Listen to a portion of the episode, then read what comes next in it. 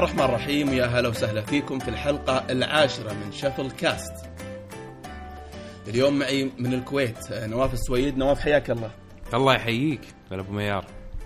وشلونك؟ والله بخير الله يسلمك. تمام. آه ومعنا من المنطقة الشرقية أو من الدمام محمد العرف. أجي محمد حياك. هلا وسهلا حياك الله. طيب نرجع لنواف. نواف وين الغيبات؟ والله أنا أعتذر أول شيء عن إن أنا ما طلعت الحلقة اللي طافت. صراحة افتقدتكم أكثر ما أنتم افتقدتوني. أه شغلت شوي مع الشركة والدوام والسوالف. بس إن الحمد لله ردينا الحين وإن شاء الله راح أرد بقوة. راح أغثكم أكثر. الظاهر الظاهر الحين فبراير موسم عندكم ولا؟ إي والله كان وايد تعب و أيوه. كان يعني لود شغل وايد كان عندنا. فالحمد لله خلص الحين فبراير. انتهت احتفالات الكويت الحين. الحين تبدي الأحزان لرمضان عاد عندنا؟ لا لا بالعكس الله يمد الكويت بفرح لا عندكم بعد في عندكم مناسبة قبل رمضان ولا؟ مو مو بالعيد الوطني يوم ثاني شيء ما أدري شو اسمه. زي الاستقلال أو حاجة زي كذا ولا لا؟ لا لا هو يومين ورا بعض 25 فبراير 26 فبراير. إحنا ما نباعد بينهم. إيه. ما نزعل أحد نحطهم يم بعض وفكنا وخلاص. أوكي. عشان- عندكم زي عشان ما يعطونا حطة وناس بس. تطلع في الشوارع وتلبس آه، ولك عندهم حفلات غنائية وأنت تقول لي تلبس الشوارع. لا لا ما أبغى حفلات غنائية أبغى أبغى أبغى طيشان الشباب. خل عنك الحفلات.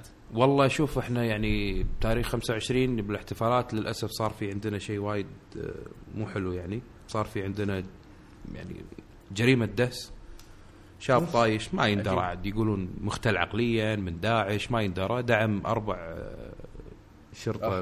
ضباط من الداخلية. واحد منهم توفى الله يرحمه. فيعني كانت احداث يعني شوي مزعجة. لا حول ولا. الله ثاني يوم هم بعد آه، وحدة دعمت شرطي. يقولون بالغلط. يعني شيء شيء وايد. بس إنه صار في عندنا نفس العيد الماي اللي يصير بتايلاند. صار عندنا بالكويت. تحذف تفافيخ وماي. والسوالف. آه، فيعني. استانسوا الناس. كسروا سيايير وناسه أنا صراحة قزرته ثلاثة أيام قاعد بالبيت. لا طلعت وثلاث أيام في دبي الظاهر. لا دبي الأسبوع اللي قبله. بس فبراير يعتبر ولا ولا بس إيه. الأسبوع هذا هو اللي عليه الكلام. لا هو عندنا يكون 25 و26 فبراير. مرات يصادف يكون في عطلة يعني يعطون الطلبة عطلة قبلها بأسبوع. ومرات يكون لا إن العطلة هذه تصادف مثلا بنص الأسبوع فيأخذونها الناس أو يعطون السبت إجازة. فتصير ثلاثة أيام أربعة أيام. فالناس كلها تسافر تطلع تروح شاليهات. يطلعون على البحر مثلا مسيرة ما مسيرة وهالسوالف. يعني أنا لأن من زمان ما أطلع بهالاشياء فما أدري شنو قاعد يصير برا. بس أقرأ الأخبار يعني. يعني صراحة أشوف قزرته على Netflix سووا سووا featured آه، خاص بال show اسمه؟ بالكويت. إي الاحتفالات صح اللي. حطوها. لا كان بيوم 25 أول يوم آه، بعيد 25. الاستقلال لا إحنا عندنا عيد الاستقلال 25 وعيد التحرير بتاريخ 26 جميل. آه، حياك الله. اشتقنا لك كثير. الله يسلمك. ما الله تشتاق لك العافيه إن شاء الله. القطعات إن شاء الله. بإذن الله إن شاء الله. بإذن الله. بإذن الله. محمد شلونك؟ هلا وسهلا حبيبي. إيش أخبارك؟ كيف الشرقية وكيف أجواء الشرقية؟ والله أنت أخبر أنت جاينا الأسبوع اللي راح. جيتكم ليلتين و مو بليلتين بعد ليلة واحدة. أيوه اللي كانت دخل الصيف خلاص. عندك. يعني شغلنا المكيفات اي تعزمون بعض وما تعزموني okay يا رجال بلا شغل شو اسمه لا، دار دارك ولو تبي جيت لكنك أنت. تبغى نوال ووليد الشامي وهالسوالف ذي ماشي. آه، الجو عندنا ماشي. والله آه، الجو عندنا صيف خلاص صيفنا وأنا مبسوط بالشيء هذا لأن شيء لأن الصيف أنا عندي يرفع الإنتاجية والشغل عندي بصراحة. الشتاء أصير مثل الباندا يعني كذا متقوقع على إيه، نفسي و- لا ولا أسوي شيء. حتى لو طلعت برا بتطلع تاكل ما تشتغل ولا تسوي شيء. يا بالضبط عرفت؟ أو. بتجيب أكل للبيت وترجع فدعوة أكل يعني. آه، فيا بس. آه، غاط لفتره تقريبا آه، من أسبوعين كذا لا سناب شات لا باث لا إنستغرام لا شيء. يمكن تويتر بس هو اللي شاد فيه حيلي شوي. آه، على قولتهم هذه عرفتوا أزمة منتصف السنة شيء زي كذا.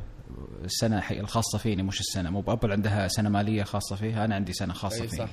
اي فهذا هو ازمه المنتصف ذي اللي هي أصير أبعد عن كل شيء بالحياة. وتصير حياتي عزلة. اي مو عزلة يعني يعني لا أطلع مع ربعي ولا أشوف أحد آه، تقريبا ما أشوف أحد يعني.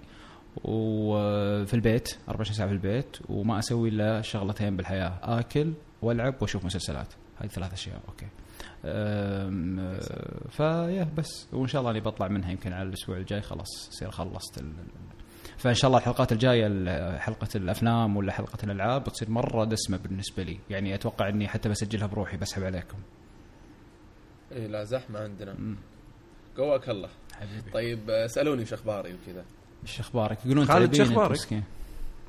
والله تمام الحمد لله ابشركم يقولون مريض؟ آه ما تشوف شر والله شر تعبان شوية عشان كذا صوتي طالع فخم اليوم. آه مطفي مكيف حالتي حالة. عشان كذا اخترناك تصير. آه، عشان كذا اخترناك تصير مقدم. مقدم؟ مم. الزبدة يمكن أدوخ عليكم في نص الحلقة فلو اختفيت آه، كمل يا محمد. okay نواف إذا سمعت صوت شخير ولا شيء نبهني عشان نسوي shift بس أنا وميار. على طول سوي shift وسوي لي mute ماشي. راح أقول لك حار حار. طيب. طيب هذا هذا الرمز هذا الكود. مو من طيب، صالحنا ممتاز. نستخدمه والله. آه، طبعا الحلقة هذه تجي بعد انقطاع آه، نسبيا طويل لكنها الحلقة العاشره أنا ودي والله نسكب لاي موضوع يخص الانقطاع وعدم التنظيم لا لا مو. بانقطاع مو بانقطاع. ما راح أتكلم عن انقطاع بتكلم عن إن الحلقة هذه تقنية وإحنا لنا فترة ما سجلنا حلقة تقنية.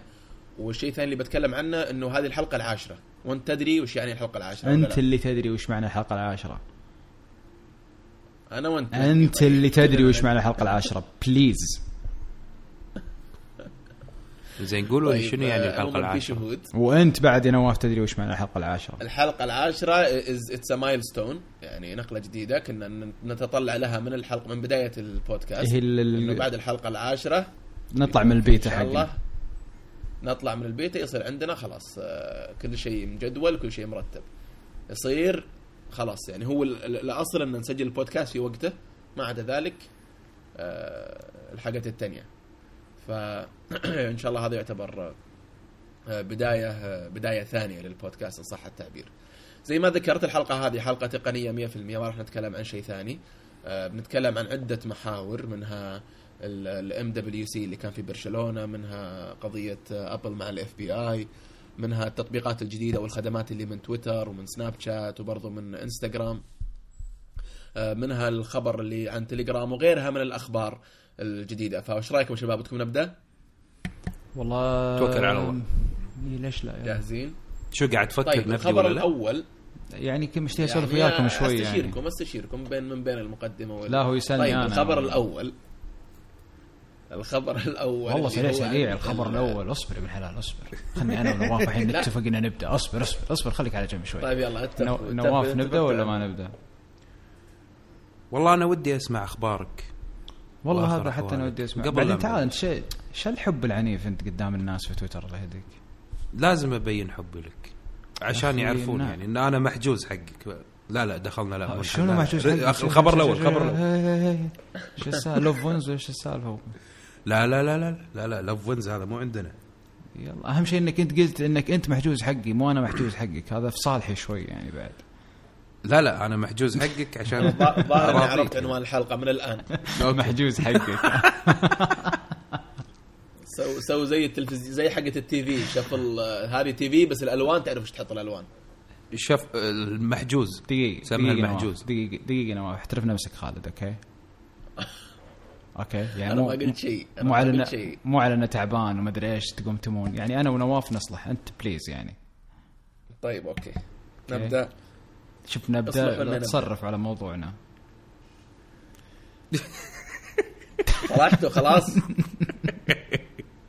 طيب أنا بكون دكتاتوري وببدأ ما ماني مشاوركم. okay. ال- الخبر الأول الخبر الأول اللي معنا اللي هو ال MWC اللي أبل, برشلونة أبل ما شاركت في ال MWC صح؟ لا ما تشارك. زين يلا شيء. أنا بروح أبل، بروح ألعب. إذا خلصتوا قولوا لي. مت- متغطرسة في ال- في مشاركتها في ال- ال events لا لا لا لا رجاء. رجاء. هذا مو لا، لا، تغطرس. هذا يعني- يعني كل واحد يعرف مكانته يعني. يعرف قدره طيب، بالضبط. okay. أنا بروح ألعب. إذا خلصتوا من خبر MWC و لا لا إذا هو خلص أنا وياك تع- تعال نلعب أنا وياك وخله يلا يلا. خش خش أونلاين. طيب ال MWC طبعا اللي هو ال Mobile World Congress هذا اسمه. يبدو لي اسمه كذا. آه، حدث سنوي تم في برشلونة في فبراير أو في مارش. يشاركون فيه معظم معظم الشركات ال- المنتجة للهواتف الذكية زي سامسونج وال جي واتش تي سي و يعني تقريبا كل الشركات الا أبل زي ما قال الشباب. هواوي آه، بعد في شركات ما شاركت طبعا السنة هذه. آه، كل شركة تطلع جهاز جديد في المؤتمر هذا. سامسونج مثلا طلعت ال S7 اللي نواف شكله مرة خاق معه. آه، ما يفكر إلا فيه ولا لا يا نواف؟ والله أنا صراحة يعني إيش فيك؟ يقول لك الاس 7 يا أخي عطنا الأخبار. يقول لك رجعوا الاس دي كارد يلعن أم الميزة. لا لا لا, رجع لا ال SD كارد. رجاء ورجعوا الموية الظاهر صح؟ رجعوها. رجاء الجهاز. شالوها شالوها. قالوا الناس ما تحتاجها شالوها. شالوها ورجعوها. إي ما شاء الله غميمه لا. أنا مو ب- لا لو سمحت لو سمحت. ال- ال processor صار أحسن. أي صح ال RAM. يقولون صار صار ثمانية ما أدري أربعة ما أدري. رجاء يعني هذا ترى تطور. صح صح. و آه، زين أنا بفهم شغلة. أنا بفهم شغلة أنا بفهم شغلة. الحين سامسونج ليه ما تأجل مؤتمرها وتخليه بعد مؤتمر أبل؟ أسهل لها والله. ما ما يقدر. ليه ما يقدر؟ يسوي له مؤتمر لحاله ويخليه بعد الناس بعد. لحظة هو الحين لما نزل مؤتمر أبل بعده بست إيه. شهور وهو عنده مجال ست شهور ما قدر يسوي له 3D Touch قاعد يبكي. آخر شيء رد لك ال memory card. يعني هذا التطور. لا لا هم هم عندهم ميزة ثانية أحسن من ال 3D Touch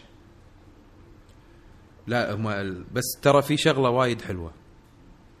زين لحظة لحظة. محمد عشان نكون شوي منصفين يعني.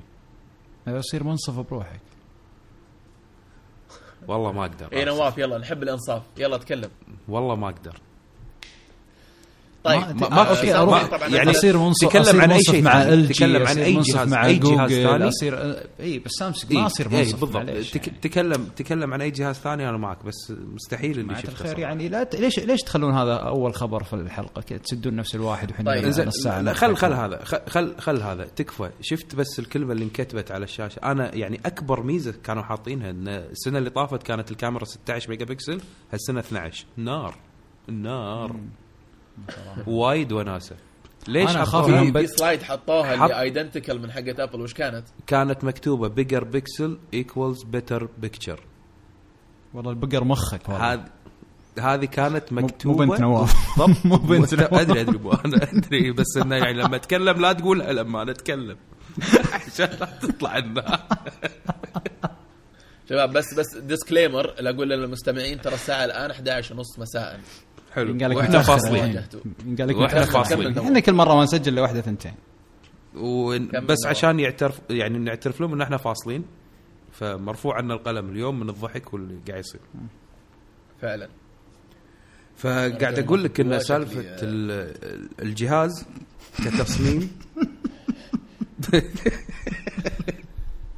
لا لا خل اتكلم خل اتكلم طيب أنا أنا بتكلم. الجهاز الجهاز الجهاز سامسونج يعني أنا أشوف لها تقريبا ثلاث سنوات أو أربع سنوات بالنسبة لل features اللي في الأجهزة. كل جهاز تضيف حاجة تشيل حاجة وتضيف حاجة فعلا هذا اللي جالس يصير. يعني بدون بحيادية أتكلم ما أتكلم ما في أي إضافة. آه اللي يتغير بس ال software يتغير من جوجل كل سنة وبرضه يلعبون لعبتهم في في, ال- في ال software. وما في شيء يسوى إنك تتكلم عنه في في الجهاز الأخير. يعني ما أتوقع إن في شيء يتكلم عنه. لذلك بعد إذنكم بنتقل إلى ال- لا لا دقيقة دقيقة لحظة، سمحت، لحظة، لو سمحت لو سمحت. يعني نقول راينا يعني. نقول راينا. يلا قل رأيك. أنا أقول لو سمحت. شوف آه، في البداية بغض النظر عن الحب والكره هذا خلينا نخليه على صوب نتكلم جد شوي. أنا بالنسبة لي شركة سامسونج آه، اللي قاعدة تقدمه حق مستخدمين شركة سامسونج. والناس اللي تحب شركة سامسونج أنا اشوفه تخبط.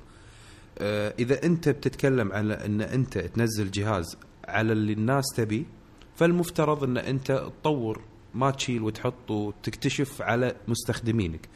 فبالجهاز ال S 5 كان ضد الماي وكان فيه مميزات كثيرة والناس حبته وشروه تجي بالآيفون بال S 6 تشيل آه، ضد الماي وتشيل آه، ما أدري شنو وتحط ما أدري شنو علشان تقول والله ال design أو التصميم وايد صار أحسن وإحنا شلنا سالفة البلاستيك وخليناه سالفة ال- إنه يكون من آه، القزاز. أو ال glass أو whatever تيجي بالآيفون بال S 7 وتحط نفس المميزات اللي كانت بال S 5 زائد بعض اللي كان موجود كتصميم بال S 6 شنو ال- الإضافة الجديدة اللي أنت قدمتها؟ شنو الشيء المميز في استغلال القوة اللي موجودة عندك في ال hardware أنا ما شفت إلا hardware بس processor وايد ممتاز ال RAM وايد ممتاز الذاكرة وايد ممتازة بس شنو الأداء اللي ضفته على النظام نفسه؟ هل الكاميرا راح يكون تصويرها أفضل على أن تكون على النظام هذا ولا على ال software؟ أنا ما أتكلم على النظام أو قوة ال hardware بالمعالجه الصور أنا قاعد أتكلم على البرمجية مالت تطبيق الكاميرا. شلون راح ما, يكون. ما تشوف إن الأندرويد آه، في في يعني حدود أو limitations لما تجي للنقطة هذه خصوصا. ما يقدرون يوصلون لل quality اللي موجودة في ال iOS خلينا ناخذ التصوير كمثال. التصوير كمثال أنت عندك في ناحيتين. في عندك أشياء تتركب في ال hardware كعدسة ككاميرا كمعالج للكاميرا. زائد إن في عندك أشياء تصير في البرمجيات اللي هي في ال software في النظام نفسه. نظام الأندرويد قاعد يتيح حق الشركات والناس اللي تطور إنها تستغل قدراتها إن هي تطور وتسوي معالجات خاصة للكاميرا. عشان كذي لو تلاحظ تصوير كاميرا ال Nexus وايد زينة ممتازة. على ال 8 ميجا بكسل وعلى 12 ميجا بكسل وايد ممتازة. جهاز هواوي تصويره وايد حلو. الثبات في الكاميرا وايد حلو. بالنسبة حق آه، كاميرات ال- السامسونج تصويرها حلو ولما تشوفها بالتليفون وايد حلوة. تصوير الكاميرا وايد حلو. لكن لما تحطها. بالكمبيوتر أو تنقلها على جهاز ثاني الألوان تكون مكان ثاني.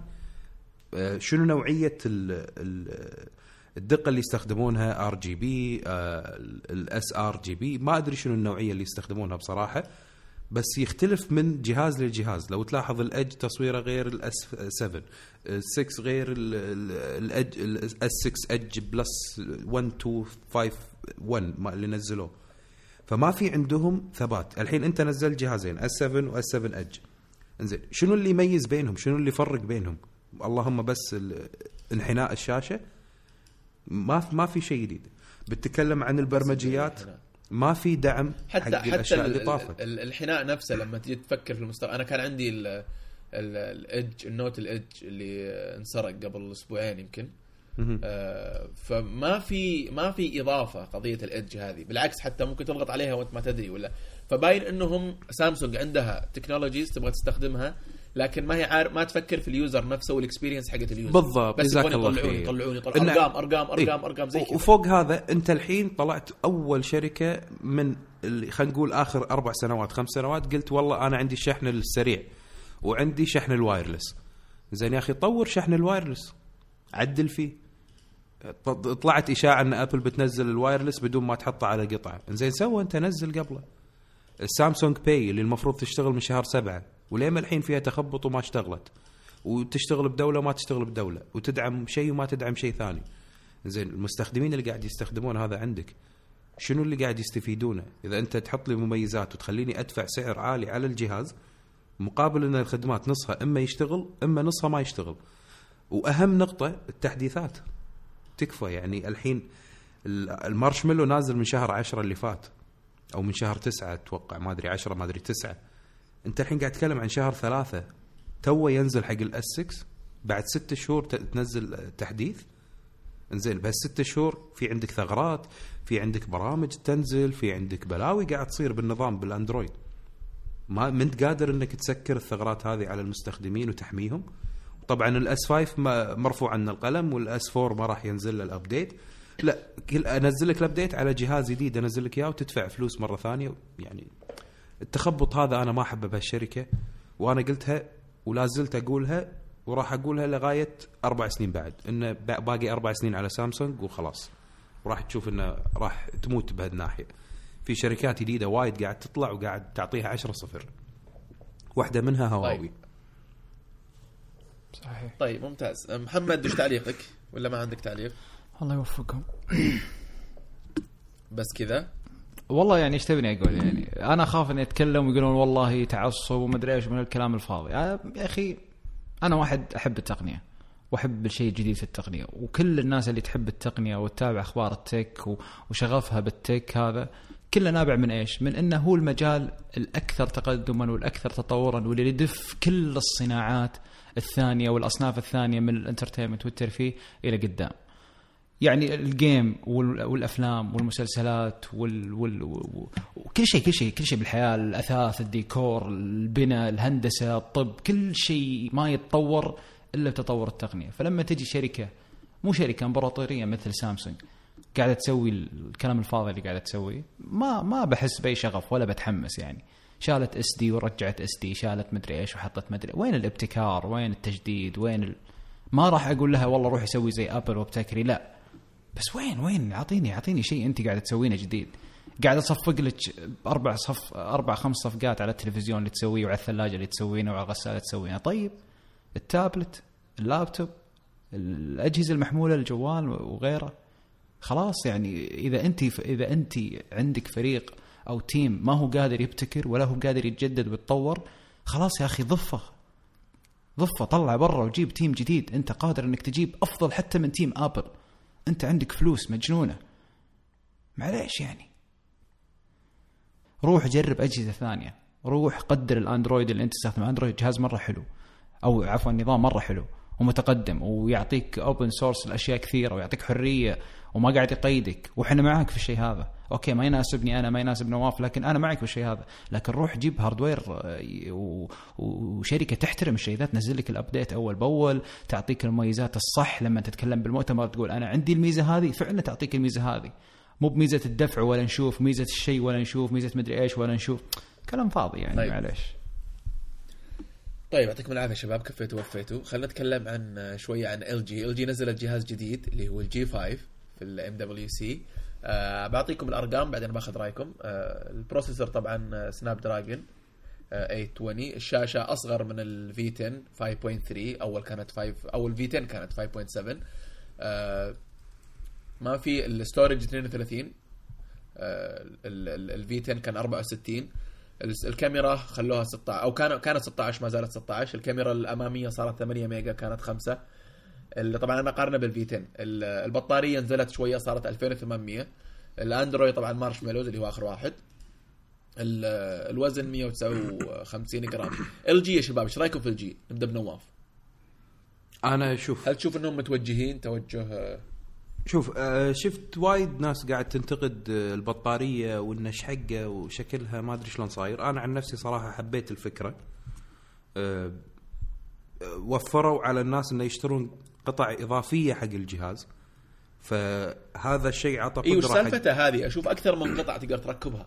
بالضبط هذه عطت قدرة حق ال جي إن هي تنتج إكسسوارات حق تليفونها. فبدال لا أنا اصلع لك بس البطارية تشيلها وتركبها من تحت ممكن آه، راح تركب إكسسوار حق الكاميرا تركب إكسسوار بطارية إضافية تركب إكسسوار آه، حجم ثاني memory فعندك إضافات من الشركة نفسها أضافتها على جهازها اللي منزلته. فهذا شيء وايد حلو. أه، حبيت فكرة تبديل البطارية وطريقتها. أه، المواصفات بالنسبة حق الجهاز ال جي قاعد تمشي على السوق ومحترمة مستخدمينها. قاعد تقدم لهم نفس الشاشة ما غيرتها صار لهم تقريبا ثلاث أجهزة الحين. عندهم الكاميرا قاعدة تتعدل وتتحسن من جيل لجيل. صار في كاميرتين في الخلفية فواحدة تعطيك wide واحدة تعطيك narrow. فصار في عندك تنوع بدال لا تركب عدسات نفس ال accessory اللي نزلوه سامسونج أو اللي ينزل حق أجهزة آبل هذا اللي قالوا لك يبغى التليفون وهو فيه هذه الأشياء زائد وفي الكام بلس اللي تركبها هذه اللي قلت عنها أنت قبل شوية خاصة بالفيديو أو الصور والفيديو بالضبط. هذه فيها عدسة أظن إضافية ولا لا؟ لا أتوقع بس التحكم بالكاميرا ما ماني متأكد آه يعطيك خيارات يعني. زيادة ماني متأكد إذا في واحدة ثانية تركب عليها عدسة ولا لا ما عندي فكرة والله الشغله الثانية النظام نفسه قريب صار من نظام الأندرويد الخام. فهذه تعطيهم حرية إن هم يزيدون آه، أو يقللون نسبة فترة آه، التطوير عشان ينزلون التحديث حق المستخدمين. فبدال لا يأخذون أربع شهور خمس شهور. أسرع بيكون. بالضبط راح يكون أسرع. ممكن بعد ما ينزل التحديث الجديد ممكن خلال شهر أو شهر ونص أو شهرين ينزل لك التحديث. ما له داعي تطول ست شهور أو أكثر. الشغلة الأخيرة إن عندهم يعني ثبات باللي هم قاعدين يسوونه. هم يدرون شنو قاعدين يسوون وين راح يوصلون بهالشيء هذا. فأنا صراحة حبيت الجهاز سعره وايد مناسب لا راحوا وايد فوق ولا وايد تحت نزلوه وسالفة البطارية إن قللوها وإن ال memory مو موجودة هذا شيء طبيعي لأن اولا ال memory اللي ينحط بال- بالتليفونات هذا مو حماية فلأنك شلته فهذا زاد حماية حق الجهاز. الشغلة الثانية لما تقل البطارية لأن نظام المارشميلو يحافظ على أداء النظام نفسه فيقلل الاستهلاك أقل من الأنظمة السابقة. فما تحتاج أنت سعة عالية من البطارية عشان تستخدم البط... الجهاز والنظام نفسه. فهذه بعض الأشياء اللي الناس لين الحين عندها خلط فيها إنه آه البطارية 4000 7000 ملي أمبير فهذا معناته إن البطارية تطول معاي وأحسن ما له علاقة. هي على البرمجية اللي موجودة في النظام نفسه. فأنا أشوف ال جي صراحة قاعد تصعد أكثر من ما ثابتة. يعني يعني نسبة الناس اللي حتى بالمؤتمر وبعد المؤتمر حابين يأخذون جهاز ال جي زادت عن السنوات اللي طافت. صار في تقبل حق الجهاز أكثر والشركة. طيب ممتاز. آه عندك تعليق محمد على ال جي أه لا والله okay أنا عجبتني على فكرة القطعه اللي ورا في البدايه يوم تسربت قبل كم يوم توقعنا يعني إنها شيء آه، خاص فقط بالبطارية أو كيس إضافي للبطارية. ففعلا كنا نضحك يعني نقول وين كنا تونا قاعدين نطنز على ال cover اللي, بالبطارية حق ابل والحين جاتنا ال جي بس بعدين في المؤتمر لما بينوا إنه لا لها مثل ما قال نواف يعني لها عدة استخدامات آه، سواء الكاميرا أو غيرها. على فكرة نواف أنا يوم شفت ال ال ال أنا شفت مؤتمر ال جي أه ولما بدأوا يتكلمون عن القطعة يا أخي تدري إيش تذكرته وجاء في بالي؟ شنو؟ ال- cover الآيفون اللي أنت تكلمت عنه قبل فترة اللي تقدر تركب وتشيل وكذا قطعة ومش عارف إيش و... أيوه بسناب اللي في. ميموري. إي ما أدري آه ليش يا إيه أخي اللي بالكاميرا الكاميرا إيه تذكرت ال ال ال ال ال- الفكرة هذه نفسها يعني كيف إن ال جي أخذتها بس من من منظور ثاني أو من جانب ثاني. فيا عجبتني يعني الفكرة ولكن كجهاز يعني تمنيت ان يعني أنا بالنسبة لي الديزاين السابق كان أجمل. آه، ويوم كانت الظهر البصمة في الخلف آه، الفتح القفل وكذا. ما أدري كنت يعني حاب الجهاز الأولي أكثر من الجهاز الحالي يعني. طيب آه جميل. ال- المحطة اللي بعدها اللي هي سوني أجهزة سوني. طبعا سوني أركد يا المحطة أركد.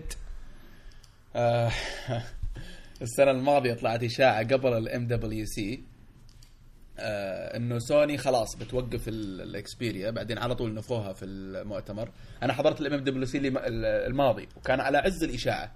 فكانوا كل الموظفين الموجودين هناك ينكرون تماما إن سوني عندها أي نيه انها توقف القسم هذا الخاص بال شو اسمه smartphones فاللي صار انه السنة هذه نزلوا الاكسبيريا إكس آه، نوعين. في نوع اللي هو ال- ال high end يبدو لي الاكس وفي اللي هو ال- ال XA الأمانة ما أدري شو الفرق بينهم.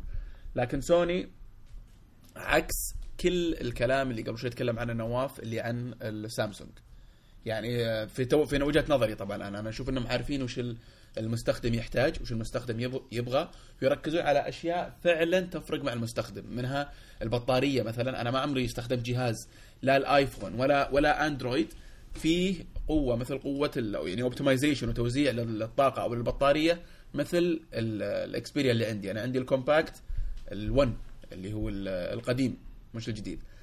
فنفس الشيء نفس الكلام ينطبق على الكاميرا ينطبق على ال software نفسه ما ي... ما يتفلسفون فيه كثير ما يغيرون في ال... الأندرويد الخام نفس ما يسوون غيرهم بطريقة تخرب النظام بشكل عام. فما أدري إيش رأيك نواف في سوني وتوجه سوني؟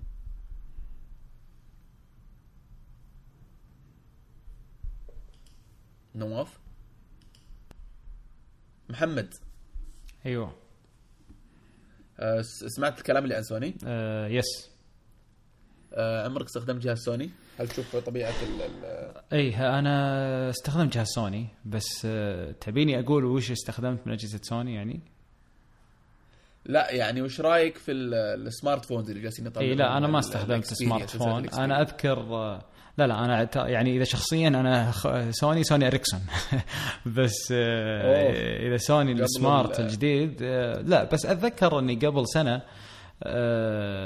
جربت آه، عند واحد من الشباب كان عنده ال- ال- الظاهر الظاهر الموديل حق 2013 أو 2014 اللي كان تقريبا أول جهاز من من سوني ضد الموية. سوني هي أول واحدة جابت جهاز ضد الموية صح؟ ك smart يعني. أي أي، سوني إكسبيريا 1.1 إي بالضبط. إي أيوه إكسبيريا 1 هذا أول واحد جربته جربته عند واحد من الشباب كان ماخذه. فكان عاجبني يا أخي الجهاز ك ك كمسكة وك ك ك design. وأكثر شيء شيء شدني ذيك الفترة الشاشة. أنا ما أدري إذا الشاشة عندهم للحين نفس الحالية أو تطورت على الأقل. أه، بس كان مضايقني شغلة اللي هو أه، عرفتوا لما يصير الجهاز مرة thin كذا ونحيف لدرجة إن الفتحات حقت ال AUX والشاحن وال USB وال power أمتن من الجهاز. تعرفون الشكل اللي يصير كذا؟ أوكي ما جاز لي. يعني قصدك في التصميم اي. ما جاز لي ما جاز يعني شوف الجهاز مو بكله متساوي في الأطراف يعني فتحة الشاحن ناقزة فتحة ال AUX كذا بارزة فتحة السماعة ب... وغير كذا ال- الأشياء اللي حاطينها بحيث إنه يصير ضد الموية اللي هو ال- ال- ال rubber هذا اللي الأغطية. إيه الر... لا ال rubber نفسه اللي مغطينه فيه الفتحات وكذا يعني عرفت اللي بصراحة يعني بيني وبينك أحس أن سوني أو غيرها من الشركات تقدر تطلع أجهزة بأشكال أجمل أو design أفضل لو تبعد سالفة أنه ضد الموية. مش لأني أنا ضد أنك تطلع جوال ضد الموية لكن هذه ميزة هياط. يعني أنا ما أشوف أن يعني ميزة أنك أنت تتفشخر فيها بس. يعني مين اللي يسبح انت تتكلم أوكي شيء طار أوه طاح جوالي بالماي oh أوكي زين بس إنه مش بقد إيه يعني. فمتى يصير يطلعون بق- إكسسوارات لها لا لا مش مو لا لا لا حتى لا الإكسسوارات مش عملية لأنك أنت ما راح تحط الإكسسوار حق ضد الموية لأنك بتدري إن جوالك بيطيح في الموية. لا إحنا ما هم طبعا يسوونها مو يسوونها عشان تقدر تستخدم جوالك في الموية لا. هم يستخدموا هم يوفرونها لك بحيث إنه يقول لك عشان لو طاح جوالك في الموية يصير إن إحنا جبنا جوال ضد الموية أو تليفون ضد الموية. بس أنا أعتقد إن الميزة هذه شوي بدري عليها. إذا قدرتوا في يوم من الأيام إنكم تخلون الجهاز بنفس design مثلا الآيفون العادي أو LG العادي أو ال Nexus العادي ولكنه ضد الموية بطريقة أو أخرى مثلا الفتحات من داخل الشحن وال AUX مثلا فيها زي ال sensor الحساس من يحس إنه في سائل دخل داخل الفتحة يسكر المنافذ. مث- مثلا شيء زي كذا. الشاشة السماعة يصير في تقنيات خلاص تت- تتحسس للسائل وتقفل منافذ الجهاز. ذيك الساعة اقعد تقول لي أنا بطلع لك أما غيره يعني تشوه الجهاز كله وتحط لي rubber ومش عارف إيش وتصير مسكتة شوي تعبانة على أساس بس يصير ضد الموية أعتقد ما مو تصرف سليم يعني. طيب آه اللي تو كنت أقول يا نواف إنه آه إنه إنه سوني مختلفين عن سامسونج في كل في كل الكلام اللي تكلمت عن سامسونج إنهم عارفين المستخدم وش يبغى وش وش يبغى يوصل له. فهل تشوف النقطة هذه صحيحة أو انه لا؟ والله نفس ال... كلهم نفس النظام. والله شوف أنا قاعد أشوف إنه يعني الشركات الكورية قاعدة تتطور وتقدم أكثر من الشركات اليابانية. قاعد أشوف إن اللي بالسوق كشركات يابانية للحين موجودة يمكن بس سوني اللي موجود حاليا. الباقي كله يا إما شركة صينية أو كورية. فاللي قاعد. تقدمه سوني الحين ما في أي شيء wow بس إنه قاعد يمشون في طريق الأمان. اللي تعودوا الحين سؤال سؤال على طاري ال- الأجهزة ال- معليش دخلت عرض على طاري ال- ال- الشركات الكورية والشركات الصينية وال... في شركة هواتف أمريكية غير أبل وغير ويندوز ويندوز. يعني تقريبا شبه في وقفت H HTC لا اتش. لا لا اتش تي سي. مو اتش تي سي لا مو أمريكية لا لا تايوانية شركة آه، أمريكية عندك موتورولا شركة أمريكية. لا موتورولا ألكاتيل أمريكية. طيب ألكاتيل أظنها لا ال- ألكاتيل لحظة. لحظه موتورولا أمريكية متأكد؟ أكيدين موتورولا أمريكية فعليك. ترى على بالي دائما إنها جهة فرنسا جهة بريطانيا ما أدري ليش. لا لا شركة أمريكية. وشروها جوجل لأنها أمريكية في أيامهم. أوكي. شروها وبعدين باعوها. فشركات أمريكية تصنع تليفونات حاليا ما ماتوا يمكن ماكو. ما في شيء. wow يعني طبعا في شركات اللي اللي اللي, اللي تس زي اللي تعيش هناك أو يعني زي سوني مثلا. أتوقع أن ال department كبير منها أو قسم كبير منها already هناك. حتى في منتجات ما يطلعونها إلا هناك. وعارفين ال consumer الأمريكي كيف تصرفاته وكيف حياته وكيف يطلعون منتجات خاصة. تقدر تعتبرها أمريكية بطريق بطريقة ما.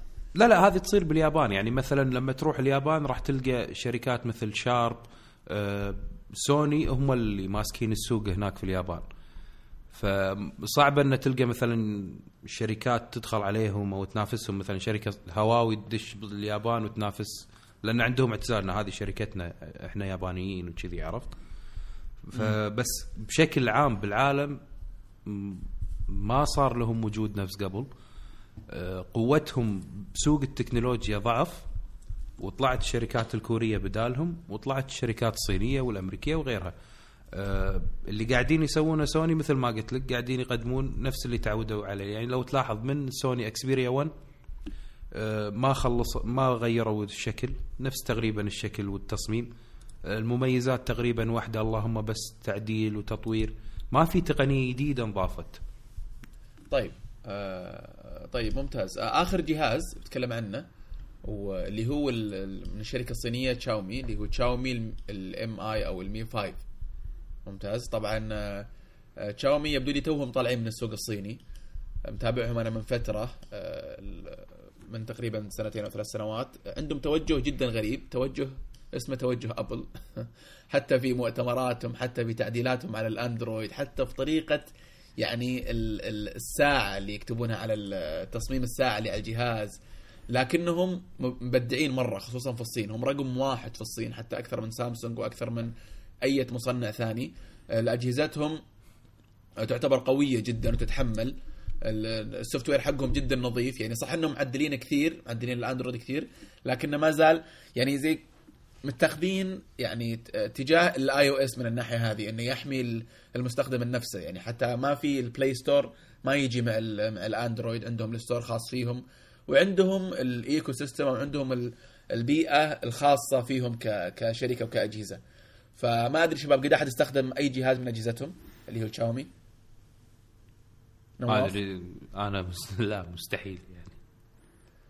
يب- يبغالك تبع بيعجبونك كثير بيعجبونك لأنهم فعلا ي- يفكرون في المستخدم أكثر من غيرهم. لكن طبعا في ال limitations حقت الأندرويد لكن ال- آه، توجههم جدا غير الشركات الثانية. محمد شوف، أنا- جربت أنا- شري- أجهزتهم ولا سمعت عنها؟ آه، يا سمعت عنها. وهم اللي سووا مؤتمر قبل فترة هنا في الرياض أو شيء زي كذا.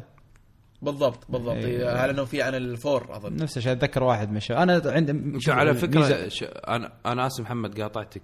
تدرون لا لا عادي متعود منك دائما تقاطعني okay ال CEO اللي حاطينه شاومي. هو اللي كان ماسك آه. ال Windows Mobile اللي كان مايكروسوفت. عجيب. فنفس الفكر نفس هذا خذوه من مايكروسوفت وخذوه من أمريكا وحطوه عندهم يبون يدشون بهالسوق. أنا في ال- في العام في ال MWC حضرت ال conference كان في واحد يتكلم عن كان مدير كان ماسك ال marketing في تشاومي طبعا أمريكي 100% يعني حتى ماخذينه من ما أدري من LG ولا من لا قاعد أقول لك من Windows من مايكروسوفت. يعني لا ما كان ما كان ال CEO كان حق ال marketing بس يعني غير اللي تقول عنه. لكن الفكرة إنهم جايبين حق أهل ابل الصنعة حق نفسهم. ابل حق ابل يا خالد.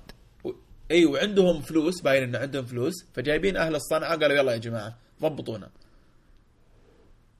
فيبدو لي إنهم متوجهين توجه نواف عرفت اللي كان ماسك ال marketing. حق آبل قبل فترة قبل الأخير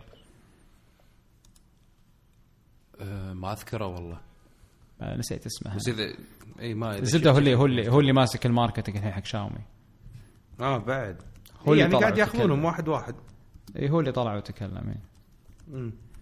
بس قاعد أقول لك ف- يعني إن الحين ما يعني شاومي عندنا شوي يبي لها وقت هواوي سبقتها طبعا في ميزة أنا ما تكلمت عنها اللي هي الأسعار عندهم أسعار خرافية. يعني ال Mi 4 هذا اللي مفروض إنه high-end وزي أجهزة سامسونج العالية عندنا ما يتجاوز 900 ريال. فيبدو لي هذه برضو يعني نقطة تضاف لصالحهم. إي يعني شوف آه، هذه النقط اللي قاعد أقول لك إياها إن في أجهزة تقريبا بنفس مستوى مميزات أجهزة ال high-end نفس اللي عند سامسونج و LG بأسعار وايد نازلة وايد بمقدره الكل يشتريها وتقدم له مشكله مشكلة سامسونج و L G انهم إنهم يحطون ابل كمقارنة. يقول آه، وين وصلوا ابل كسعر ارفع فوق ويلا. هذا هذا اللي ينرفزني. هذا الغلط ال- يعني خاصة بالمؤتمرات لما يحط لي شوف تصوير كاميرا سامسونج مع تصوير الآيفون. زين ليش؟ حط الاي ال S6 إنه والله إحنا كان تصوير ال S6 هالكثر وطورناه وصار هالكثر. الناس راح تستانس. بالضبط. بالضبط. غندور عمره ما قارن نفسه ب Kit Kat يعني. أيوه بالضبط. حلقة الغندور. آه، طبعا اللي ما دخلوا السوق إلى الآن وأتوقع إنهم جايين بقوة الشركات الهندية. في كم شركة الآن آه، برضو مرة مبدعين في آسيا بشكل عام مو بس في الهند لكنهم ما طلعوا برا الهند ابدا أو برا سوري شرق آسيا. فأتوقع السنة الجاية بيكون لهم بيكون لهم تواجد. طيب أتوقع آه، هذا يكفي عن ال MWC طبعا في ال- الـ trends اللي تيجي كل سنة ال 5G مثلا وال Internet of Things وال الانترنت الأشياء زي ما يسمونه هنا ولا ولا مثلا ال wearables ولا شو يسمونها هذه حقت النظارات ال VR هذه كلها ترند تجي كل سنة ويشوفون آخر الاختراعات لكن آه، وفي منتجات طلعت من هنا وهنا لكن أتوقع أننا اكتفينا آه، بالأجهزة اللي تكلمنا عنها. ال VR ودكم نتكلم عنها ب- هنا بالحلقة ذي ولا تبون في حلقة ال gaming بما أنها يعني أكثرها في ال gaming يعني. أتوقع ال gaming لأن المحتوى اللي فيها اغلب أغلب gaming أكثر من أنها محتوى عادي. حلو أجل إن شاء الله يصير النقاش العام في الحلقة لل VR. متحمس أسمع إيه، ارائكم عن الجهاز يعني. مستقبل ال VR و... طيب ال- ال- ال- المحور الثاني هو قضية. خالد الحين طيب. اتفق على شيء محطة ولا محور؟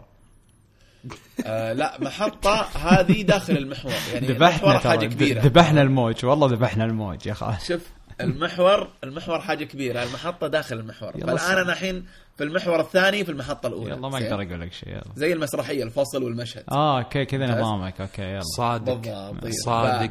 صادني. المحور الثاني يقول لك زي المسرحية المحور. الثاني هو قضية كانت حديث ال- الشارع الأمريكي قبل خلال يعني تقريبا أسبوع أو أكثر اللي هي قضية أبل مع ال مع الإف بي آي. تكلم عنها نواف قبل فترة بتفصيل. آه، أتوقع ما في أفضل من انه يعطينا القصة. عطنا القصة أول شيء نواف بعدين التعليق. في أفضل منه. في أفضل منه بس ما عندنا إلا نواف الحين يلا. okay. مضطرين ها؟ okay. ماشي. طيب شو السالفة نواف؟ السالفة يا طويل العمر إنه آه، بشهر ديسمبر اللي فات أو شهر 12 اللي فات صار في آه، عملية إرهابية. واحد وزوجته فجروا آه، مدينة سان برناردينو بكاليفورنيا بالمكان اللي يشتغل فيه. آه، وهم من تنظيم داعش أتوقع وكذي. فاللي صار إنه الإرهابي هذا تليفونه آيفون 5C. فأخذوا ال FBI عشان يطلعون البيانات اللي فيه. الحبايب هناك سووا reset على ال password مال ال iCloud فأنت لما تسوي reset على ال password شنو يسوي؟ يمسح البيانات أو يقفل. ال backup اللي موجود بال iCloud. okay؟ okay. اللي سووه الحبايب انه طلبوا من من أبل إنه يفتحون الجهاز إنه يطلعون لهم ال data اللي موجودة ويفتحونها. فهذا شيء مقدور عليه عند أبل إنه يفتحون لأن هذه جريمة إرهابية ويبون يساعدونهم. فلما اكتشفوا إن الإخوان ماسحين ال data قالوا لهم إحنا ما نقدر لأن هذا already شيء مشفر. إحنا ال data لما ناخذها والبيانات نحطهم بال iCloud بعد ما تمسح أو يصير فيها شيء تصير مشفرة وبعيد عنا إحنا ما لنا علاقة فيها ما نقدر نفتحها. يعني طبعاً. مو ما نبغى؟ ما نقدر. هي الحين بتجيك سالفة أنا ما نبغى بس الحين بتجيك كمل نواف. هي هي سالفة هي من الأساس انه هم يقدرون بس تاخذ وقت طويل على ما تفتح الشفرة. ولكن المقصد إن أنا ما أقدر أفتح لك إياها الحين لأن أنت already مسحتها وهي بعيدة عني. اللي صار إن ال FBI رفعت الموضوع.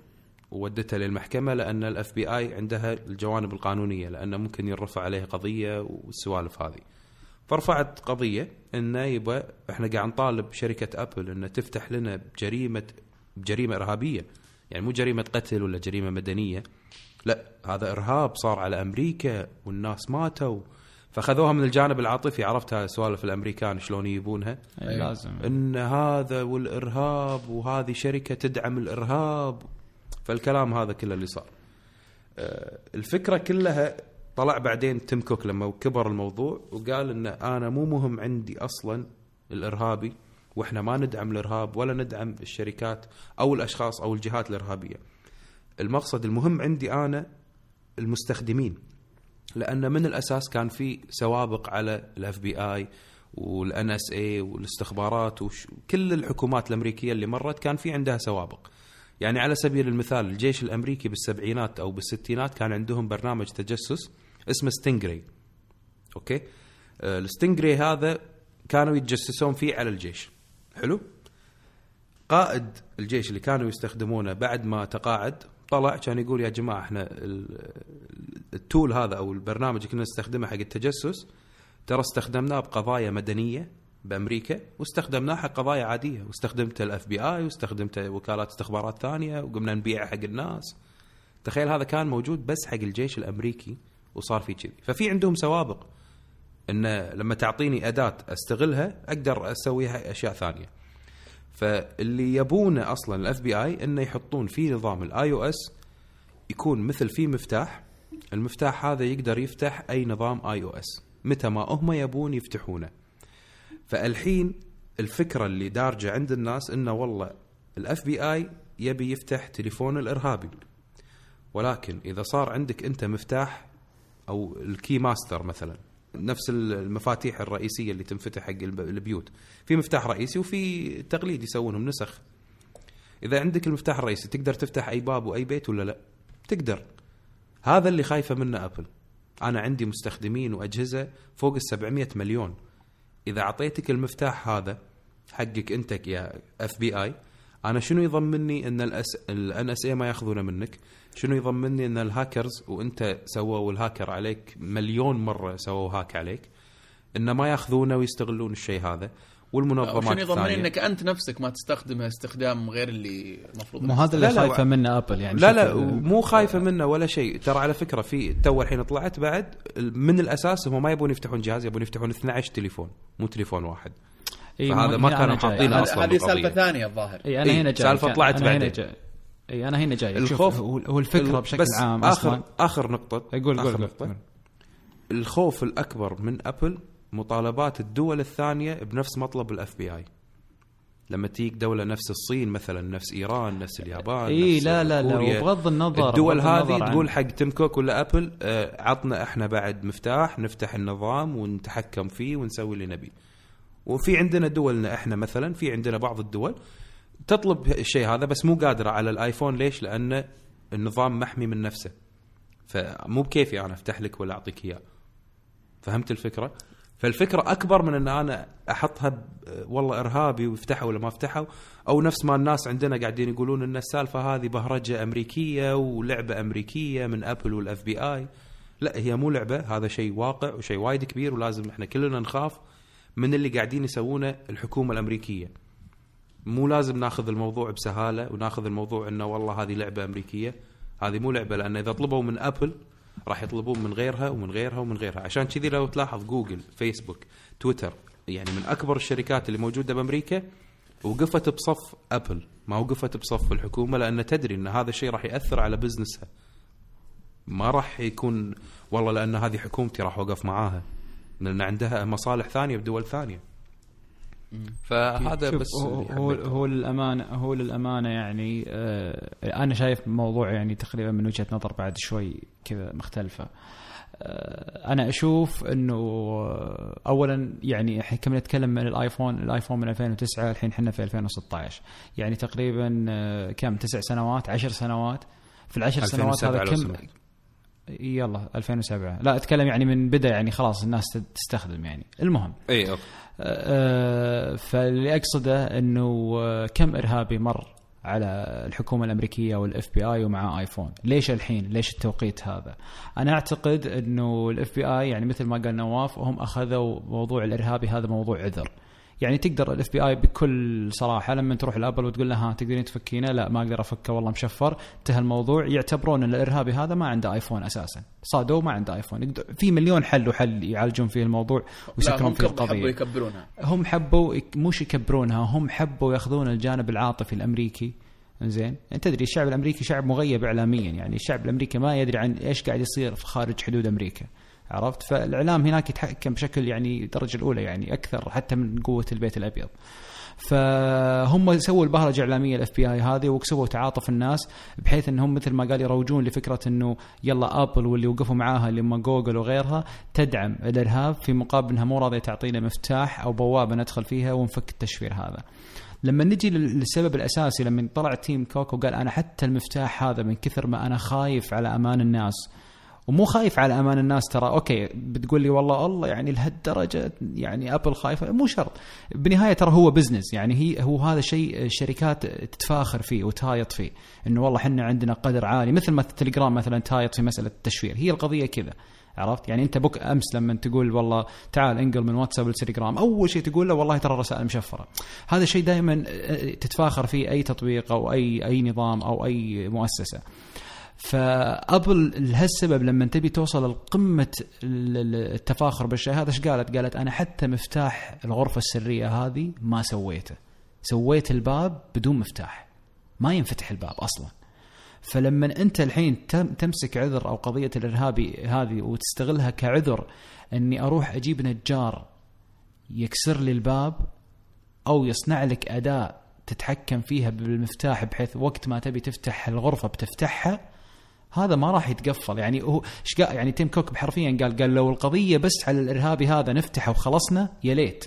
بالعكس نتعاون عرضوا مع ترى على فكرة أبل عرضوا إنهم يسوونها بشكل سري. اي يعني قالوا اي قالوا الإرهابي. اي قالوا نفتحه وهذا وخلصنا. لكنك تطالب بمفتاح. هذا شغلة ثانية. هو هو تيم كوك ما يضمن موظفينه عشان يضمن الشركات الثانية والدول الثانية لما. ما يضمن الموظفين ما يضمن الموظفين اللي شغالين في السيرفرات نفسها. ما يبغى شيء هذا. فأنا أشوف أن القضية أصلا منتهية. القضية يعني ما فيها روح وتعال. يعني حتى يعني أنا ما أدري إيش بيصير بعدين بكرة مع القضية اللي رفعتها أبل واللي رفعتها ال FBI على أبل الثنتين. يعني هم قضيتين. لكن أعتقد انها في صالح ابل 100% لأن الموضوع موضوع نظام أنا مسويه ومشفرة. لو أن الحكومة الأمريكية ترفض التشفير هذا كان من البداية ما أخذت ال- ال- التصريح هذا. يعني كان من البداية والله جات الحكومة أو جات الجهة المختصة وقالت لا عندك هنا نقطة ما تمشي معنا هنا في كسياسة دوله أنت مسوي تشفير كامل للنظام. بكرة لو ال FBI يحتاجوا فك تشفير هل تقدر؟ لا ما تقدر أجل تخالف النظام. كان من البداية سووها كذا. لا وفوق هذا لكن- عندك ال NSA. ال NSA ما ترد على حد اللي تسوي تبي. كان أنتم ك FBI رحتوا حق ال NSA وفتحت لكم النظام وسويتوا اللي تبونه. بنفسهم انفضحوا بعد ما راح بعد ما طلع سنودن من عندهم. لا سنودن بعد- سنودن خلاص دمرهم أصلا. أنت اللي يضحك يعني بالموضوع آه. كله اللي يضحك بهذا كله تخيل إرهابي فجر بالمكان اللي يشتغل فيه. التليفون الف... آيفون 5 سي المكان اللي يشتغل فيه هو اللي معطيه عشان يحمون الناس اللي فيه. يحمون الموظفين والبيانات اللي تطلع من هالمكان. فأنت متخيل ان أنت كحكومة تستخدمين الجهاز هذا لحماية بياناتك. الحين تبين الشركة تكسر حماية البيانات اللي أنت تبين تحمينها؟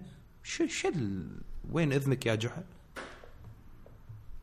يعني ما أدري شيء. طيب آه طيب ما قصرتوا يا شباب؟ أنا ما أتوقع غطيت كنت بتكلم أنا آه كان لي وجهه نظر محددة وتقريبا يكون يعني تجميع من بين كلام نواف وكلام محمد.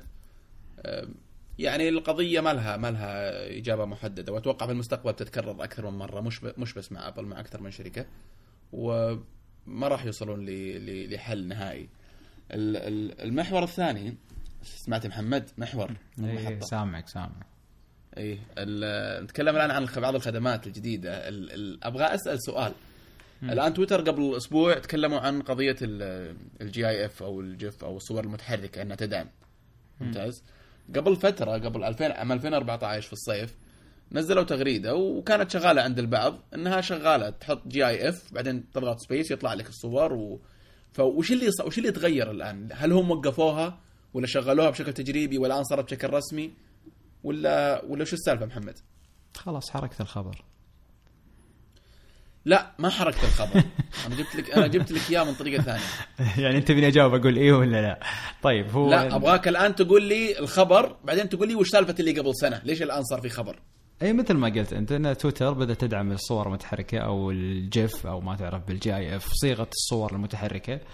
اللي صار إنها طبعا هي من أول أصلا تويتر يدعم الشيء هذا. تقدر تجيبه من أي application عندك فيه آه، أو أي website عندك فيه صور GIF تقدر تنسخ الرابط أو تنسخ الصورة تحفظها وتحطها وتشتغل طبيعي. لكن اللي تغير إنه صار officially أو صار بشكل رسمي مع تطبيق تويتر الرسمي اللي بالآيفون أو بالأندرويد أو بالأجهزة الثانية صار الحين في آه، icon خاصة بال GIF. بس تضغطها. صار في تعاون طبعا مع تطبيق معروف اللي هو ذكروني باسمه نسيته جيفي جيفي. يا جيفي يا. اي فتطبيق جيفي طبعا من أفضل التطبيقات يمكن حتى اليوم نواف بيتكلم عنه في فقرة أشياء جربناها. أه، فصار في تعاون إنه ال- البيانات أو ال- ال- ال data اللي موجودة عند جيفي صارت موجودة الحين في تويتر. فمجرد ما تضغط على ال icon هذا راح تطلع لك اقتراحات أه، من صور تستخدمها مصنفة يعني مثلا يعني مصنفة تصنيفات معينة. سعادة مثلا إي أشياء تعبيرية يعني. إي مصنفة تعبيريا يعني كذا. فأول إنك تبحث طبعا بال search ويطلع لك. طبعا اللي عجبني إنها جدا سريعة يعني ما, ما مو تقول الشيء اللي تستثقله لدرجة إني شفت الناس يعني خلاص صارت ترد على بعض فيها عرفت؟ يعني حلوة فيها تعبير أكثر حتى من ال من استخدام الإيموجي أو من استخدام الصورة الثابتة. دائما الجف لها لها لها طابعها يعني ولها جوها يعني. لها جوها. يا.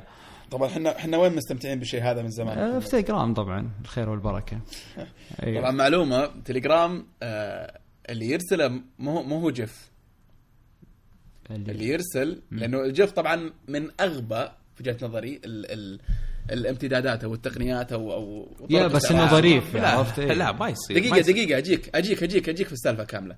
ليش؟ لأنه هو عبارة عن صور متكررة يعني هدف مثلا الهدف هذا عبارة عن 100 صورة. ممتاز؟ المشكلة إن أحيانا الصور هذه يطلع حجمها كبير نسبيا فلما تجمعها أحيانا تطلع لك ال GIF على ميجا 2 ميجا 3 ميجا.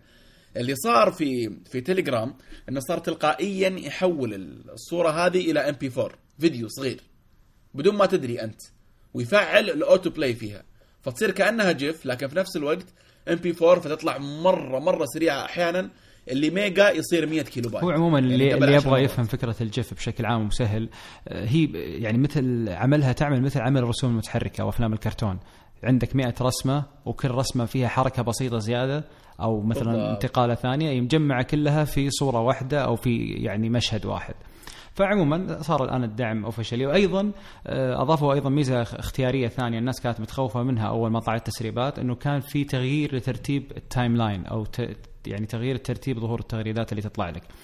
فمثل ما نعرف إحنا طبعا إن تويتر يطلع لك التغريدات من الأقدم إلى الأحدث. يعني كل ما تصعد في ال timeline فوق كل ما تجيك التغريدات الأحدث اللي منشورة آه، أجدد يعني. فالآن لا صار عندك الآن خيارين. طبعا تقدر تسوي تعدل الخيار هذا من الإعدادات عندك سواء من ال website أو من تطبيق تويتر الرسمي. التطبيقات الثانية ال third party ما تدعمها حاليا مثل Tweetbot وغيره. آه، وهو إنك تقدر تخليها عن طريق الاهتمام. طبعا إيش تقول لي شلون هو بيفهم؟ هو يفهم مع الوقت إيش إيش أكثر التغريدات اللي أنت تسوي لها retweet إيش أكثر التغريدات اللي أنت تفتحها اللي هو يعني يعني تضغط عليها وتنقر عليها كذا نقره بحيث إنك تفتحها بشكل كبير. يبدأ هو يفهم ويقرأ التغريدات هذه. طبعا هو قاري مسبقا ال- التغريدات أو ال- ال- الأرشيف حقك. يعني خلاص فاهم هو جوك تقريبا بشكل عام. فاللي يبدأ أول ما تدخل ال timeline يبدأ يطلع لك الأشياء اللي يعتقد إن الأخبار هذه أو التغريدات هذه تهمك أكثر من غيرها. ممكن تحس فيها لخبطة شوي في البداية بس بعدين لو تتعود عليها بتحس إنك إذا أنت واحد ما عندك وقت تشيك كل ال timeline حقك فبتقدر إنك على طول تشيك الأهم فالاهم فالاهم أو عفوا. زي زي inbox بدايته تقريبا إيه. فعموما وإذا ما عجبك ال- الطريقة هذه تقدر ترجع على الطريقة القديمة يعني. بس.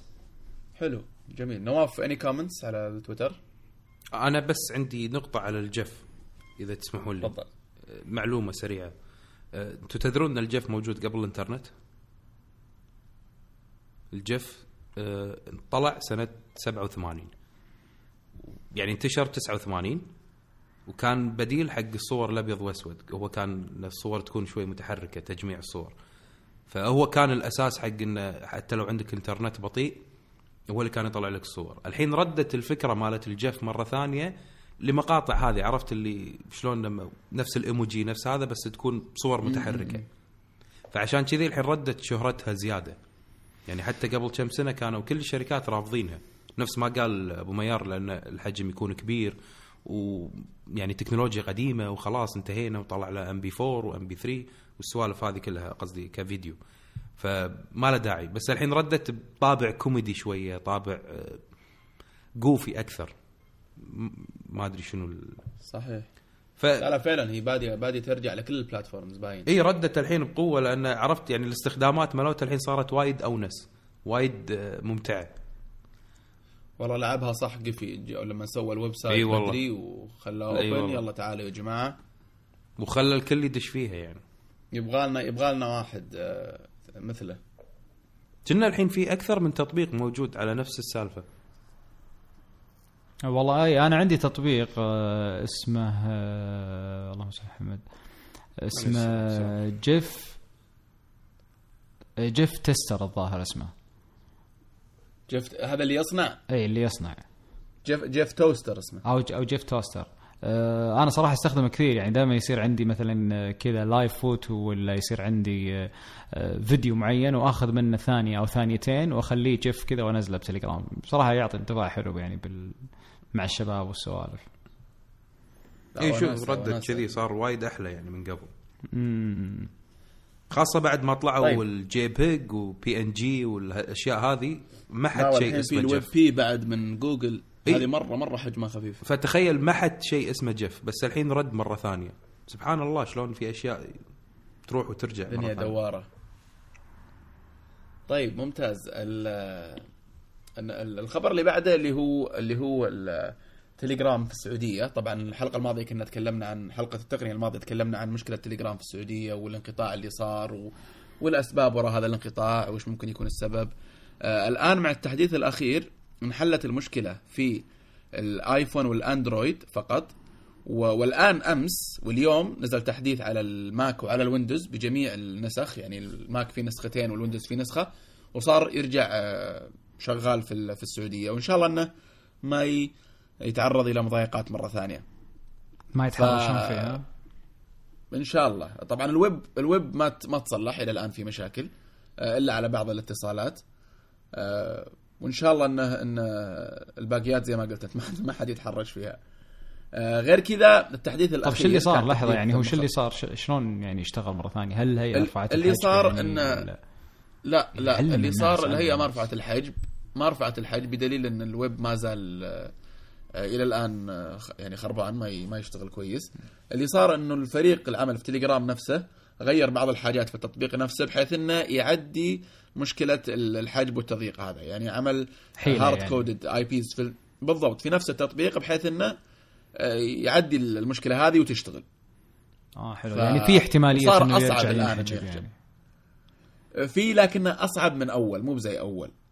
مو بزي أول ابدا.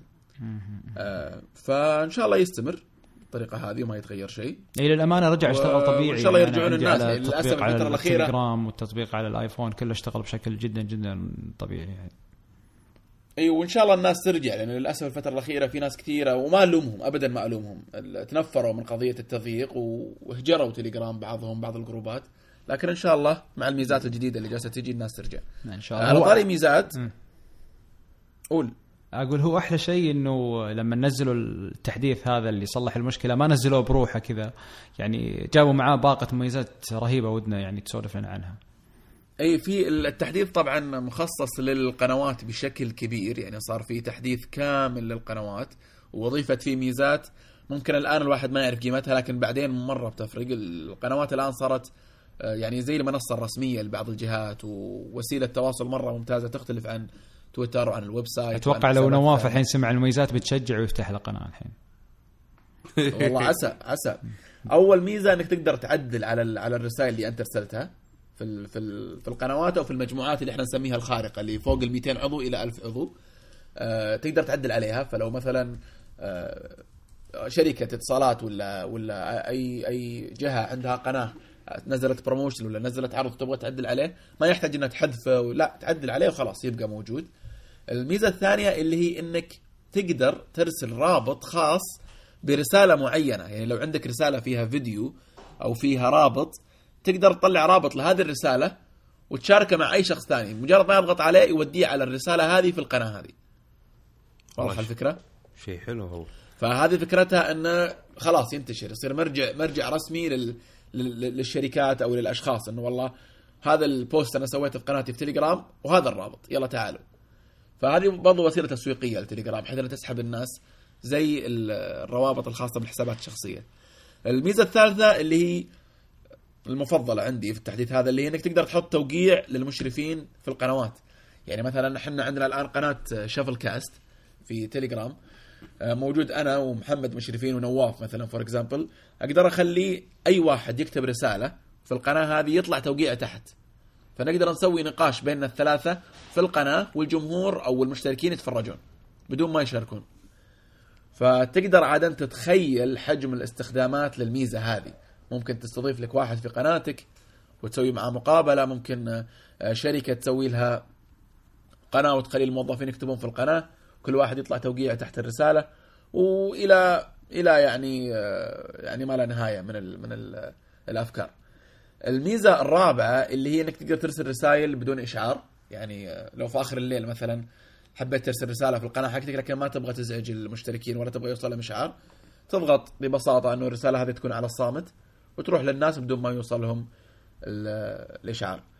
فهذه تبين عندهم بعد ما يدخلون على البرنامج. بالضبط. يدخل برنامج يلاقي فيه رسالة جديدة لكن ما يجي إشعار لأنها ممكن تكون رسالة مثلا لو واحد ينقل مباراة مثلا عنده قناة حقت نقل مباريات ما راح يقول لك على كل على كل حدث يرسل لك إشعار لا ممكن يقول لك كرت أصفر كرت أحمر مدري إيه الهدف بس اللي يرسل لك عليه إشعار. هذا كمثال. فهمت؟ ف يعني تعتبر تعتبر تحديث خاص بالقنوات بشكل كبير واللي واللي إن شاء الله بي بي بيرجع الناس بي لتليجرام بعد الانقطاع اللي صار. أنا قريت طيب. خبر انه كنا ص- نسبة الزياده الشهريه كنا 350 ألف قاعدين يزيد. أي طبعا 100 شكرا ألف،؟ شكرا ذكرتني ذكرتني. طبعا تليجرام آه، وصل إلى ثلاثة أرقام في في الفترة الأخيرة. الرقم الأول ليش احسك مبتسم أبو ميار؟ أحس كذا في ابتسامه على وجهك. اي مستانس إنه. اي واضح صح؟ من صوت إنه هي ابتسامه اي إي، قول قول طيب قول. الله الله ي- يدو يدوم الابتسامه علي. طيب. وش من أنانية؟ طيب. الر- وعلينا طيب. إيش دعوه انت داعي؟ داعي. يا أخي، مرة عليكم يا. أخي أنت اللي لاحظت مو بنا أنت اليوم مستقعد. يلا يلا. أول رقم عشان ما أنسى اللي هو آه 100 مليون مستخدم. بحط صفقة ورا. ممكن يكون أي ممكن يكون بالمقارنة بالمنافسين رقم آه، يعني أقل نسبيا لكنه في خلال فترة سنتين ونص يعتبر ستارت أب جدا جدا جدا سريع. مقارنة باللي باللي موجود في السوق. ف 100 مليون مستخدم. ال- بالإضافة إلى آه، 15 مليار رسالة توصل كل يوم. آه، الشيء الرقم اللي يقول عنه نواف اللي هو 350 ألف مستخدم جديد يسجل يوميا. وهذا هو اللي يفرق يفرق فعلا. هذا هو اللي اللي يخلي لل... يجيب الجروث ويزيد عدد المستخدمين. فالحمد لله إن شاء الله من من سجل بودكاست. عز إلى عز. في تليجرام. زين كم ان شاء الله الناس زي ما قلت تبدا ترجع كم قاعد تطلعون من هذا كله؟ قصدك. profit إي قول قول. لا تليجرام non profit هذه يبغى يبغى لها حلقة لحالها مرة. تليجرام غير ربحي مشروع غير ربحي. آه، 100% يعني ما حلو. في أي آه، طريقة لجني ارباح لا في الاشتراكات هو هو صدقة جارية. ولا- يعني أول ما تدخل التطبيق يقول لك صدقة جارية للمرحوم أبو شو اسمه؟ عليك نور. عليك نور. جبتها جبتها. عرفت أنتم عندكم ما أبغى. اتكلم في الموضوع هذا لأنه فعلا يبغى له أنا أنا محمد بنطر لمتى بيظلون صدقة جارية؟ انت عندكم بالكويت نواف يسمونه ماي سبيل الظاهر عرفت؟ اي أي. نفس الشيء حق الفقارة المساكين ممكن بس أنا بشوف لمتى ماي السبيل هذا لا ممكن ما السبيل له لين يخلص فلوس المعزب أو اللي خصصها بعدين يبدأ يحط عاد آه، مميزات ميزات إضافية أنت يعني متخيل الآن إنه جاب الرقم هذا يا نواف متخيل إنه جاب الرقم هذا وهو ما دفع دولار واحد على إعلان. زي zero zero advertisement حتى يعني توثيق الحساب الرسمي ال- الإنجليزي قبل سنتين يمكن على تويتر ما رضوا يدفعون فيه ولا دولار. كلش كلش يعني آه، zero marketing. لكن المنتج يقول لك المنتج الكويس الجيد أفضل وسيلة تسويق. يفرض نفسه صح. نظيف ومرتب. آه الآن مثلا جالسين يناقشون في في أكثر من لقاء تكلم المؤسس إنه يكون ممكن في payment gate أو وسيلة دفع من خلال تليجرام فممكن إنها تكون مصدر ل آه، ما راح نقول أرباح لكن لتغطية التكاليف اللي يمر فيها تليجرام الآن. تكاليف التشغيل. فننتظر ونشوف. كلام جميل. توفيق إن شاء الله. آه كلام جميل. آه كيف في الكويت by the way نواف؟ هل هل في انتشار ولا؟ لا والله. ترى نعول عليك الكويت ما شاء الله إذا طاحوا في شيء العالم العربي كله يقلب خبل أنت لو تجي بس نوف تدخل فيه فشد هذا- حيلك يا نواف. بس نبغى يعني كذا two celebrities من عندكم يخشون يسوون لهم قنوات. تبي من هذيل اللي شافوه بالصدفة ولا تبي ناس تدفع لهم يقولون عنه؟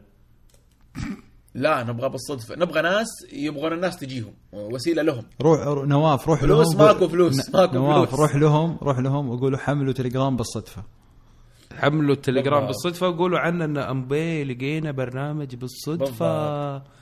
وايد. حلو. سكيورتي خلاص، بروح الله بروح الجامعة دعايتها. وأستخدم تليجرام مع نبغى- لا، لا، لا، نبغى لا، كذا غلط، هو كذا غلط، هو إيه. دقيقة دقيقة دقيقة دقيقة غلط دقيقة. طيب نروح المحور اللي بعده بما إن الشباب جالسين لا خلاص اللي هو يلا اللي الانستغرام. اللي نتمحور يا ترى. أنا احس دقيقة دقيقة. انستغرام أبو ميار. ترى ترى قول. ترك وترتني يا أخي. من محور إلى محور ليش؟ يا أخي. خلينا ناخذ راحتنا يا أخي. والهانين على المستمعين يا أخي. نبي نسولف نبي نضحك نبي. وش ال وش ال الثانية لحظه أبو- كنت أقولها؟ غير إيه، محور. إي بمويار أنت مساعد ت- تفلسفت علينا. قلت هذا أكبر من ما أدري شنو. شنو إي محور وقائمه شو اسمه؟ آه، محور محطة وطربوش ما أدري. اسمه محطة. ومحطة. إيه. المحور مثل. قلت لك مثل الفصل والمحطة زي المشهد حلو فإحنا الحين را- راح نظل بنفس المشهد ولا بال- بالفصل؟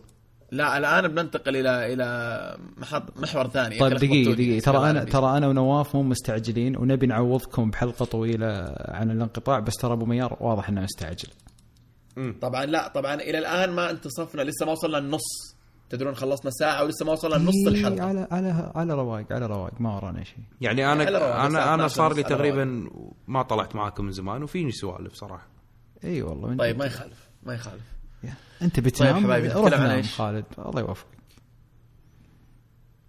نواف. نعم. نعم الله عليك. إنستغرام وش سووا في التحديث الأخير؟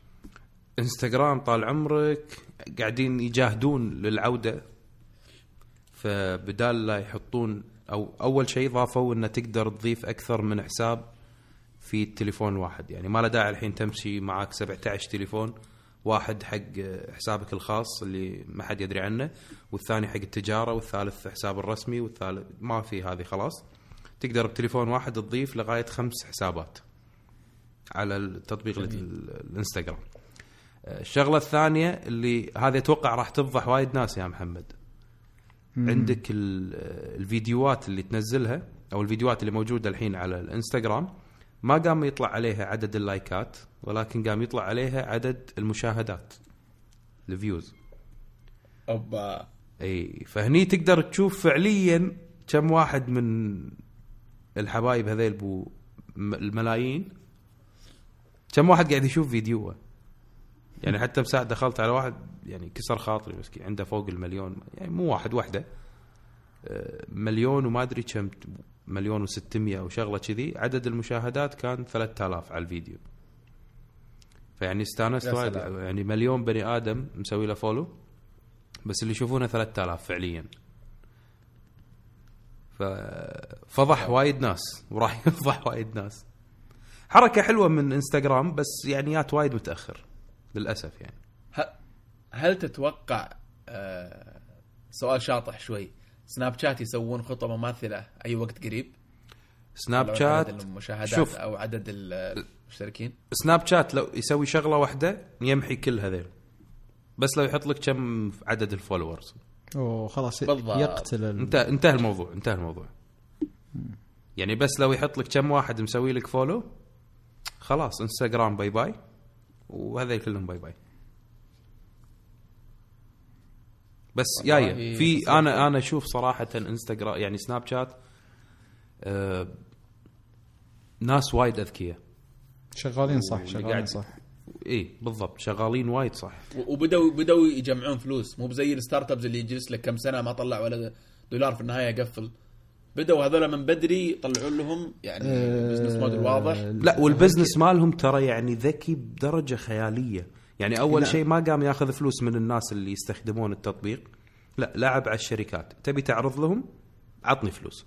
الحين آه، في بعد آه، ما هذه نخليها بعدين لما نتكلم عن سناب شات لا لا الآن الآن لا هو هو هو هو المحور الجاي. بس ما أدري محمد قبل ما ننتقل للمحور هذا عندك تعليق على الإنستغرام؟ أنا أدري إنك قافله يعني الإنستغرام قفلها معك من يوم ما وقف ال- الفيديو الصوت وغير بعض اي أنا اللي يمكن كثير. يعرفون آه، إن حسابي حسابي ما غيره اللي هو آي محمد حسن على الإنستغرام أنا كنت أنشر فيه أصلا شروحات آه، 15 ثانية شروحات وتلميحات للتطبيقات والآيفون وال iOS بشكل عام وكنت حتى الأخبار يعني أنزلها فيه كذا ب 15 ثانية سريعه لكن بعدين ليش وقفت؟ وقفت يعني بحكم طبعا يعني مو بس عذر إنه هو خرب الإنستغرام يعني أكثر من عذر ولكن من أكبر الأعذار الأساسية إنه فعليا انستغرام خرب من أكثر من جانب. اولا يعني ال quality حق الفيديو عدم جدا بصراحة. يعني أنا واحد أتعب على على ال design وأتعب على ال edit اللي أسويه بالفيديو وفي الأخير يطلع بكسل يعني.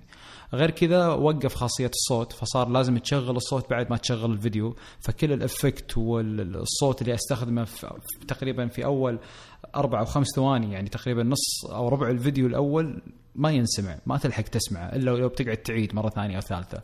بالنسبة لي شيء يعني ما يرضيني فما ما حبيته. وأيضا الشغلة الثالثة اللي هو تغير الجمهور أو المتابعين بشكل عام الشريحة اللي صارت تهتم بالإنستغرام شريحة مختلفة تماما عن الشريحة اللي كنت أستهدفها يعني. فأنا هذا إذا بتتكلم شخصيا ليش ليش وقفت وليش ما صار يعجبني إنستغرام. الآن عجبتني التحديثات لكن قاعد أقول وين أيام ما كان إنستغرام فعلا إنستغرام؟ عرفت؟ آه، إنستغرام حاليا تدخل عشان تشوف إعلانات والله العظيم تدخل عشان تشوف إعلانات. يعني كل الناس okay ما بيعمم غالبية الناس اللي اللي قاعدة تنزله بالإنستغرام كله إعلانات ما في شيء. يعني حتى لو تشوفه أوه ما كان إعلان لا إعلان. الناس بس تعلن بالانستغرام صارت منصة إعلانية.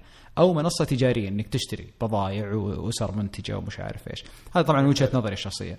لكن آه، بالنسبة طبعا لتعدد الحسابات مرة فادتني بصراحة. يعني كويس إنهم بعد ما قالوا إنه ما جابوها بالقطارة والله قالوا بس حسابين. يعني خمسة كويسة. يعني أنا والله حاليا مستخدم فعليا أربع حسابات. يعني حسابي الاي محمح هذا المعروف وحسابي الشخصي في حساب شخصي لي للعائلة وربعي وكذا. وأدير حساب آه، شفل شفل آه، كاست. وعندي حساب الشركة أو القناة فهذه أربع أربعة في من جد يعني فكت أزمة. يعني في حسابات كنت ماني قادر أوفق بينها بحكم انه لازم جهاز ثاني أنا حاطه في البيت أو شيء ولازم كنت أشيله معي. فميزات يعني جدا جدا حلوة. بالنسبة لل بس ما تواجهون مشكلة تسجيل خروج كذا فجأة يطلع لك من حسابك لا لا لا ما واجهتني أنا صارت لي أكثر من مرة. يمكن عند البعض. أنا مرضي علي. ما ما جاز يعني ما صارت لي. لكن ميزة بعد مشاهدة عدد عدد المشاهدات عفوا بدل ال like هذه هذا اللي أنا دائما أحبها بدل ال بدل ال like أو عدد ال like. ليه؟ لأنه دائما هو أدق. ينزين لأنه مو كل الناس تسوي like. هذا شغلة، الشغلة الثانية إنه مو سالفة تفضح، أنا ما أبي أقول تفضح، أنا أبي أقول إنه أنا أقيس التأثير عرفت؟ يعني بكرة أنا لما شركة إعلانية أبي أروح والله أعلن بحكم إنه خلاص مثل ما قاعد أقول لك إنستغرام صارت يعني منصة إعلانية، أبي أعرف okay هذا اللي عنده مليون أو اللي عنده مليونين أو اللي عنده 400 أو اللي عنده 500 ألف. إيش حجم تأثيره؟ ممكن واحد متابعينه مئة ألف ولكن اللي قاعدين يشوفونه أكثر من ألف، ليه؟ لأن حساب مش متابع ولكنه مؤثر. يعني فيديوهاته قاعدة تروح أماكن ثانية في الواتساب في غيره. ممكن العكس. إي وممكن العكس. عنده مليون مليونين وما تشوف إلا عنده شوي. فقياس التأثير أنا أشوفه جدا مهم وهذا اللي أصلا كان أحد أسباب نجاح آه، سناب شات لولا أن سناب شات يخفيها. أنا أقصد إنه نفس عملية سناب شات لكن سناب شات كل واحد يعني ما يظهر إلا عنده كم عدد المشاهدات عندك أنت فقط. فاشوفها جدا يعني خطوة ممتازة ولكن يعني بالنسبة لي فات الفوت صراحة. إنستغرام يعني معليش خلاص. طيب آه خلينا ننتقل لأن المحور قريب شوية اللي هو سناب شات تكلمنا عنه قبل شوي. آه قبل فترة أضافوا آه يعني طريقة الفلاتر اللي تكون لإيفنتات معينة وموجهة للأشخاص ما هي موجهة لل business بس. إنه تقدر أنت مثلا عندك حفلة أو عندك مناسبة معينة تبغى تحط عليها فلتر آه، يبدو لي خمسة آلاف متر خمسة, خمسة, خمسة مليون آه، متر مكع متر مربع أو مو متر قدم مكتوب. آه، تبدأ من خمسة دولار وتزيد على حسب يبدو لي الحجم وممكن حسب الوقت. طبعا متاحة فقط في الوقت الحالي في في أمريكا. وأظن حتى مو بس في أمريكا يمكن بعض المناطق في أمريكا. وأتوقع في النهاية توصل لنا هنا في في المنطقة في الخليج أو في المنطقة العربية. وش رأيكم شباب؟ هل تشوفونها خطوة يعني والله هي حلوة شوف هي حلوة ولكن okay خلينا نتكلم عن الخبر أول شيء بحد ذاته. شيء حلو ومن حقها إنها تكسب من الشيء هذا لأن هي سناب شات تميزت بالفلاتر والحركة هذه حبوها كثير الناس والناس صارت ساعات تصور لو وتلاحظ كثير عندك متابعين أو أنت ناس تتابعهم يصورون سنابات خصيصا عشان يستخدم فلتر معين صح ولا لا؟ أو effect معين. صح. اي فأعتقد إنه هذه لاقت نجاح جدا كبير يعني الفلاتر. يعني آه، الحركة اللي سووها بتكسب بتكسب منها السناب شات كفلوس هو يبدأ 5 دولار وفوق تقريبا قيمة الفلتر المدفوع. اي تدفع 5 دولار ثم ينزل لك الفلتر مباشرة بدون حتى مراجعة منهم. تبي تحط صورتك مثلا عندك عرس آه، ولا مثلا جمعة ولا مناسبة كبيرة وتبي تحط لها فلتر بحيث كل اللي يزورونك في المكان هذا أو في بيتك أو غيره يستخدمونه. وطبعا اللي أحس الحين بتصير جزء من إكرام الضيف يعني عزمته وعشيته والله أنا أنا, أنا بالنسبة لي بحط رقم الواي فاي كفلتر عشان ما حد يغثني عرفت؟ إيه. فعموما إيه هي حلوة هي حلوة للأمانة. أنت لما تتخيل كمية الأفكار اللي ممكن تطلع والفلاتر اللي ممكن تطلع بصراحة مرة حلوة. لكن إذا جات منطقتنا okay أنا واحد ترى مو من عادتي أفكر بالطريقة ذي لكن أعرف أعرف كثير يعني كيف راح يستخدم الشيء هذا يعني. ما ما راح يستخدم بشكل جيد للأمانة. بيستخدم إما بأفكار تخص الهياط أو بصراحة أفكار غير لائقة. ما أدري ليه. ما أن- ما أدري ليش التصور هذا بالذات مع إني أنا واحد دائما ضد الأشياء. بس أكيد ما يراجعونه محمد أنت قلت نقطة مهمة. أنا اللي اعرفه أنا اللي اعرفه. ما يرجعونه لأن لأن الفلاتر العادية الحين أنت لما ترسل فلتر وتوديه المنطقة يعني من 10 20 فلتر يقبلون فلتر واحد. يراجعون الحقوق الملكية إنك ما استخدمت صورة أو خط ما أنت دافع قيمته يدافعون الذوق العام يتابعون عفوا الذوق العام يعني يتابعون عدة شغلات. هذه أعتقد لأنها مدفوعة ظهر بس مراقبة سريعة يعني أخف يعني مثلا بس okay ما في كلمة بذيئة ما في صورة مخالفة okay نزل عرفت؟ ما له شغل باللون بالتصميم أنت دافع حقه. هذا لما أقصد يراجعونه عرفت؟ ما أقصد إنه والله يعني مفتوح للكل يعني مش أوتوماتيكي لا في مراجعة بس مراجعة عادية يعني ما هي ما, هم دقيقة ولا ولاش فائده إني أدفع عرفت؟ هذا اللي أقصد. والله أنا ما أدري شنو اللي يعني ما أدري شنو الصح إنه يراقبون لا لا بس بتاريخ 25 و26 فبراير آه، فيفا سوتها شركة فيفا الاتصالات سوتها بأمريكا حق طلبة الكوي يعني الطلبه الكويتيين اللي يدرسون بأمريكا. فسوت فلتر عن العيد الوطني برعاية فيفا حق الطلبة اللي موجودين هناك. طلع وشفت شعارهم. إيه طلع شعار فيفا وطلع انه احتفالات الكويت وكذي بس إنه بأمريكا يطلع بس بأمريكا. ف ما أدري. أحس إنه راح تصير إعلانية أكثر. وهذا اللي مساك انت أقول لك إياه إن الجانب ال... يعني أفكارهم التسويقية انه شلون يطلعون فلوس من البرنامج وايد ذكية. فاذا نفس ما قال محمد يعني, يعني, ما إذا تحس انه ما تحس إنه يبوقك يعني.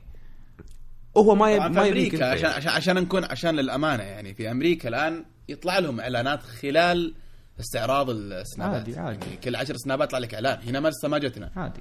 فيمكن إيه، هذه ما فيها ذرابة مرة. مم- ممكن ترجع يعني راح تجيك يعني بالنهاية. بس أنا قاعد أقول لك إن. سالفة ال- هم وايد أذكياء. الشغلة الثانية على سالفة محمد إنه قاعد يقول والله هياط وناس تستخدمه غلط وهذا يعني بالنهاية كشركة هي داش بجيبها فلوس مو فارقة. والناس ترى يعني كل المنصات اللي طافت سناب شات والأفكار. يعني لو تلاحظ محمد كلها بلشت بمسخرة وحكي فاضي وكلام فاضي وماشي. بعدين بعد مع الوقت تلقى الناس شوي تطخ وتبدي تطلع الأشياء خلاص يفهمون الشيء هذا شوي. إي أتمنى. أنا بالع- أنا بالعكس قلت في بداية كلامي نواف قلت لك أنا مش من طبعي إني أفكر بالطريقة ذي بس ما أدري ليش مع الفكرة ذي تحديدا جاتني. ما أدري ليش عرفت؟ كذا يعني فحبيت اني أبينها يعني. عادي. يعني نفس ما صار مع تويتر مع إنستغرام مع نفس ما صار معهم عادي. فيعني هذا هذا هذا سبب نجاح ثلاث أرباع الشبكات اللي موجودة حاليا. إنه الناس تاخذها على ضحك وعلى يعني نفس سناب شات أول ما طلع. بعدين بعدين يبدأ يبان الاستخدام لا الصحيح. لا خلينا نرجع حق سناب شات أول ما طلع. مو كان يطلع إنه يقول لك لا هذا يدزون فيه private والبنية ترسل صورها صح- وخاف صح- وما صح- أدري صح- شنو. صح. الحين في أحد يتكلم كذي عن سناب شات ما في. انتهى الموضوع هذا. فالفكرة الوحيد الظاهر. اللي بدا اللي بدأ سخيف ومات سخيف اللي هو الكيك. مع احتراماتي جمهور بالضبط. الكيك. هذا الوحيد. طيب آه جميل. محمد وش وش سووا نتفلكس في آه في التحديث الأخير اللي على ال iOS آه يا قلبي يا نتفلكس يا حبيبي أنا نتفلكس انت إيش تبي؟ انت إيش تبي؟ خلاص رايح لهم دبي بعد بتحارشنا بحلالنا هنا خلنا يا ابن زين زين خلاص قول سوي. لا لله لا لله انزين نزلوا يا طويل العمر نتفليكس تحديث لل iOS على الآيفون وعلى الآيباد. آه، أول وأهم شيء بصراحة بالنسبة لي شخصيا دعمهم لشاشة ال 12 إنش اللي هي الآيباد برو. نار على قولات نواف بصراحة. توزيعة أول كيف كانت والحين كيف صارت؟ أول كانت آه، شو أقول لك؟ يعني كأنها website مكبرة مبكسلة كذا ومز... يعني ما هي مستغلة ال- ال wide screen. الواسعة حقت الآيباد برو. الآن لا. الآن يعني أتمنيت بس إن الآيباد برو فيه 3D Touch للأمانة يعني. وهذا بالمناسبة يجرني للميزة الثانية في في التحديث اللي هو دعمهم لل 3D Touch في الآيفون 6s الآن صرت لما تضغط على مثلا أنت بال- بالصفحة الرئيسية ما يحتاج تروح لكل مسلسل تضغط عليه وتدخل وتشوف ها وش فيه وش ما فيه ولا تبي تنسخ رابط المباشر لخويك ولا تبي تحطه بالقائمة حق. الحوسة دي كلها تقدر تسويها ب 3 Touch باختصار. تضغط على ال poster بضغطة مطولة كذا يطلع لك الخيارات يطلع لك information والمعلومات حقت ال- ال- المسلسل أو الفيلم. أه، تبي توديه تبي تشاركه تبي تحطه بال list عندك تسوي فيه اللي تبي ب 3 Touch للأمانة صار العملية مرة سريعة يعني هذه من أحد نوادر استخدامات 3D Touch اللي تعودت عليها بسرعة. يعني في كثير تطبيقات لما تنفذها أنسى مع الوقت عرفت تنسى تقول أوه عسى هنا في 3D Touch بس من ال home screen ما في 3D لا لا لا لا, لا, لا ما في لأنه هو website من داخل تقريبا صاير. إي بس أنا كان في بالي لو في ال home screen تعلق عليه ويطلع لك. ال show آخر واحد تفرجت عليه يا سلام. يا ليت. أتوقع يمكن يسوونها قدام بس أتوقع صعبة شوي لأنه مثل ما قلت لك هو من داخل ما هو application هو من داخل تقريبا website يعني ال website حقهم نفسه عرفت؟ لكن إنه مضبطينه لل لل لل للهواتف أو لل phone أو للتابلت هذا واحد. اثنين آه، عدلوا كثير على آه، ال- ال- ال- المشغل حقهم مشغل الفيديو لما تشغل آه، فيلم أو مسلسل. اولا عدلوا على خيارات الترجمة طلعت لك فوق ال- ال- الزر الخاص. لو كان عندك مثلا smart TV أو يعني تلفزيونات مثل تلفزيونات سامسونج الذكية صار في ال icon هذا اللي لما تضغطه على طول يحول ال- ال- ال- ال- شاشه العرض من الآيفون أو الآيباد إلى التلفزيون مباشرة. آه، و هذه موجودة يبدو لي من أول. لا، لا. بس لاحظت فرق في السرعة. السرعة صار مرة خفيف. لا ما كانت موجودة من أول كانت موجودة حق لا أنا أول موجودة عندي شعار اللي هو ال- ال cast أو ال... yes أنا هذا أول مرة يطلع لي ما ما طلع لي من قبل. ما أدري نواف كان من أول عندك أنت؟ لا أنا لاحظته بعد الت... اي ما كان كنت موجود ما كان موجود. أو يمكن موجود بس مخبى يعني ما هو ما هو طالع برا زي متأكد 100% إنه ما, وش... ما هو كان وشغلة بس حاب أقولها بالنسبة حق ال smart TV إذا عندك الجهاز فيه نتفلكس يشغل لك البرنامج. بس إذا جهازك صح. ما في نتفلكس يعرض لك عليه. يعني أنا عندي تلفزيون السامسونج اشتغل البرنامج نفسه. وطبعا أهم ميزة نسينا نقولها المفروض نبدأ فيها اللي هو دعمه للعربي أصلا. يعني آه، سابقا كان فقط الترجمة العربية في الآيفون والآيباد لكن الحين لا خلاص الواجهة كلها عربي وللأمانة استخدموا خط عربي نار. نار. جميل تهومة جميل نار. جميل جميل نار صراحة. خط تهومة. إي تهومة. مرة مرة صراحة واضح جميل ال ال ال ال وال- والأحجام الخطوط نفسها مرة مناسبة. للأمانة ما أدري ليش يجيك كذا إحساس إنك ودك بعد تحب نتفلكس أكثر. بصراحة صار صار التطبيق مرة مرة مرة مرتب للأمانة يعني. وبس. وط- وعموما يعني دامنا يعني في الطاري أه ترى يعني نتفلكس الآن صار فيها مكتبة كثير أشياء جديدة جابتها مع التحديث. يعني بعد ما نزل التحديث بكم يوم دخل علينا أكثر من مسلسل وأكثر من أنمي وأكثر من فيلم آه، جدد. فيا إذا ود يعني والقادم أكثر. والقادم, القادم أكثر. نواف. أكيد أخبر يعني في الموضوع. بس ما أقدر أقول والله. آه، قلت آه، كل المميزات أنا ولا في؟ مبسوط إنه ما يقدر يقول نواف؟ وناسة، وناسة. يأكد والقادم أفضل بس ترى والله ما أقدر أقول اسمحوا والله لي. معليش اسمحوا لي. طب فلوس؟ لا لا معليش معليش بس اللي أقدر أقول لكم إنه ترى هالسنة راح ينزلون 600 ساعة جديدة. يلا هاك ويقول لك ما تستاهل وتقولوا لي ليش تقول اللي اللي اللي ما يدفع اللي يقول ما تستاهل الخدمه ما يستاهل. إي والله ما يستاهل يا أخي. يا أخي وأمس نزلوا مسلسل جديد. آه، إيه اللي هو Fuller Fuller House يا ولف. يا الله. لا لا. لا تخلينا نروح لل... لل... لل... لا تخلينا نروح هناك. خله خله خ- خلاص خلاص خلاص أوكي. ما بنسكت يعني طيب آه ال- ال- الخبر اللي بعده اللي هو الساوند كلاود آه طلعت إشاعات قبل تقريبا ثلاثة أسابيع أو أو شهر إنه ممكن إنه ممكن يفلس. آه طبعا هو من أنجح ال- الخدمات من نوع أو من أفضل الخدمات من نوعه اللي هو تقريبا زي اليوتيوب لكنه صوت فقط وناجح جدا لكن يبدو لي إنهم ما نجحوا في عملية ال business model أو أو إيجاد مداخيل تغطي تكاليفهم و وت... يعني وتجعل م- يعني منتج هذا اللي كنا. نتكلم عنه قبل شوي ذكاء سناب شات في الموضوع هذا يعني. بالضبط إيه ف طبعا في خدمات كثيرة أتوقع الناس تتفاجئ وتدري إنها ما تطلع فلوس كثيرة كثيرة مرة يعني تشوف إنهم تفكر إنهم معيدين فلوس لكنهم خسرانين ولسنوات خسرانين الزبدة انه قبل فترة قبل تقريبا أسبوعين آه نزلوا نزلوا تطبيق اسمه Pulse اللي هو من من SoundCloud فالناس بدأت تستفسر تقول هل فعلا الشركة بت بت بتقفل ولا إنه هذا آخر تطبيق بيطلعونه؟ فإلى الآن ما في شيء واضح لكن فقط كلام في ال في ال يعني في, في الأخبار إنها ممكن ممكن تفلس وتقفل. طبعا للأمانة إيش رأيكم شباب؟ هل هل للأمانة اذا إذا صدق الخبر أو يعني صح الخبر وسكرت فيعني من الأشياء اللي حتسكر يمكن حتى إلى مؤقتا اللي هو البودكاست يمكن. للأمانة أغلب ال podcastات العربية وحتى كثير من ال podcastات الأجنبية تعتمد على أنها ترفع الحلقات في ال SoundCloud ثم تربطها بال- بال iTunes أو البودكاست. فكثير يعني قنوات يمكن راح تتأثر. أكيد راح نلاقي بدائل يعني ما راح نوقف للنهاية. أكيد انه في مليون بديل ولكن نتكلم عن البديل الأشهر والأريح واللي يمكن حتى الأرخص آه، فيهم. آه، للأمانة و SoundCloud تطبيق يعني محبب. شخصيا أنا أستخدمه بجانب ال Apple Music وبجانب آه، عدة تطبيقات موسيقية. أيضا يعني SoundCloud عنده مكتبة نادرة جدا خصوصا ما أدري يعني الناس اللي تحب الجلسات ودائما التسجيلات النادرة اللي الناس ترفعها شخصيا يعني ما هي شركات اللي ترفعها على القنوات أعتقد إنهم بيفتقدون SoundCloud يعني نتمنى طبعا إنه ما يقفل ونتمنى يحصل دعم أو يحصل طريقه إنه ينقذ نفسه للأمانة من أجمل الخدمات اللي ما تتمنى يعني إنها تروح بصراحة. طيب نواف إيش رأيك؟ هل تشوف إنه إنه إنه إنه ماخذ حجمه في السوق SoundCloud؟ هل هل بيحدث فرق لو قفله ولا فلس ولا والله شوف من ناحية الاستخدام الشخصي نفس ما قال محمد إن في ناس ترفع يعني الأغاني والأشياء اللي موجودة عندها. فهذه ما في منصة ثانية قاعد توفر الشيء هذا إلا بحقوق ملكية والسوالف هذه. فإذا SoundCloud وخر عن هذا الشيء ممكن يلقى مستثمر ينقذه من الإفلاس. بس لأنه حاليا هو قاعد يخلي الشيء هذا موجود بحقوق الملكية وإن الأغاني اللي قاعد تنزل فيه ما لها يعني حقوق ملكية موجودة عند ناس آه، أتوقع إنه يعني بعد فترة خلاص.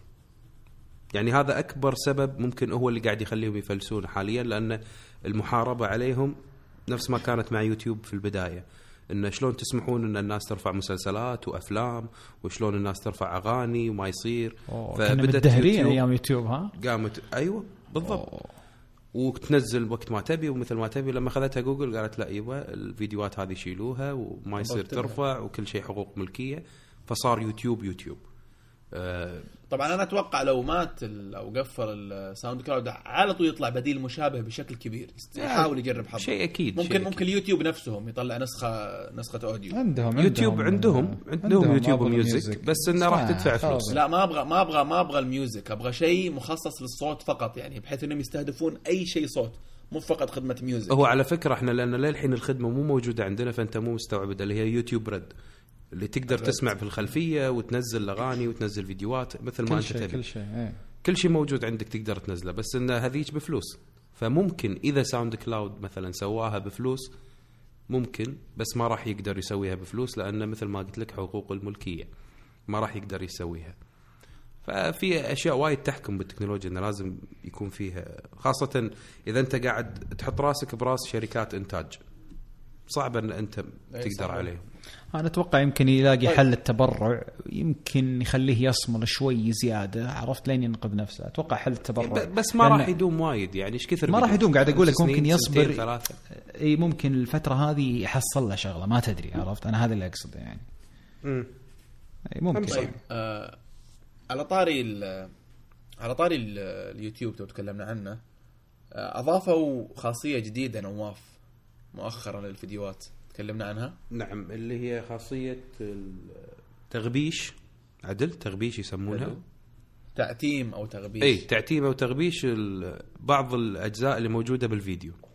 فقبل أنا عن نفسي كنت أعاني مثلا بالإد بالاديت وأنا أسوي الفيديو إنه شلون أغبش مثلا الإيميل أو رقم التليفون أو اسم واحد من أهلي. ولا شعار سامسونج مثلا. لا لا عادي ما ما فرقت معي. بس إنه يعني أشياء خاصة مثلا فيني خالد إلا إلا إلا يبي يسبب لنا مشكلة يا أخي. يا أخي خلاص يا أخي. جالس اساعده يا أخي في الأفكار. بس إيه لا لا ما يعني قبل قبل نكمل الخبر للأمانة ترى أنا منبهر من سلاسة التنقل بين المحطات إلى الآن يا خالد. يعني شايف كيف؟ يعني س... بالأول بعدين بالثاني بعدين لا لا بال reverse. لا لا غير كذا يعني أنت قاعد تقول لي مثلا يوم تكلمنا عن Snapchat وما أدري إيش قمت دخلت دعم ال filters المدفوع بعدين قمت الحين دخلنا SoundCloud وسحبتنا على يوتيوب من من من يوتيوب ريد. و... مو, مو مني من, الإنفلونزا. هي اللي تعطيك الريلاكسيشن يعني سموث مرة كذا وما قاعد أحس انه قاعدين ننتقل من محطة هي ولا شنو إيش قلت أنت الثانية؟ مرحلة محور, محور يعني محور آه ولا مح... ما أقدر أقول شيء صراحة. أقف احترامه يعني. كم؟ مدير مدير مدير. إيه. طيب طيب. التعتيم هذا أنا عندي سؤال عليه الآن. لما لما لو صورت الآن فيديو ونواف وجهك طالع أضغط على وجهك مرة واحدة وهو smart يمشي مع الوجه ولا يبغى لي أعلم على كل على كل frame اذا وجه نواف حالة ثانية يعني ما شوف جرب شيء ثاني. لا إذا إذا وجهي أصلا راح يختفي من الصورة ما راح تقدر تمشي معي. بتحول صورة قمر يعني كذا عرفت يعني. الله الله, الله. إيش رأيك؟ طبعا طبعا الساعة الآن الساعة واحدة الفجر فالجو بدأ بدأ يقلب طبعا الله. اليوم خالد شغال آه، Greenwich مو بخالد. كل شوي يقول لكم الساعة كم. كل شوي يقول لنا الساعة. آه، قل لهم يعني الطقس بعد. طيب نواف لا من جد والله يمشي معي ولا اللي يبغى لي أسويها زي مثلا Final Cut أقدر أمشي معاه كل شوي كل كذا frame لا هو يمشي مع ال- ال frame نفسه. إذا صار في خطأ وهذا أنت تعدل عليه.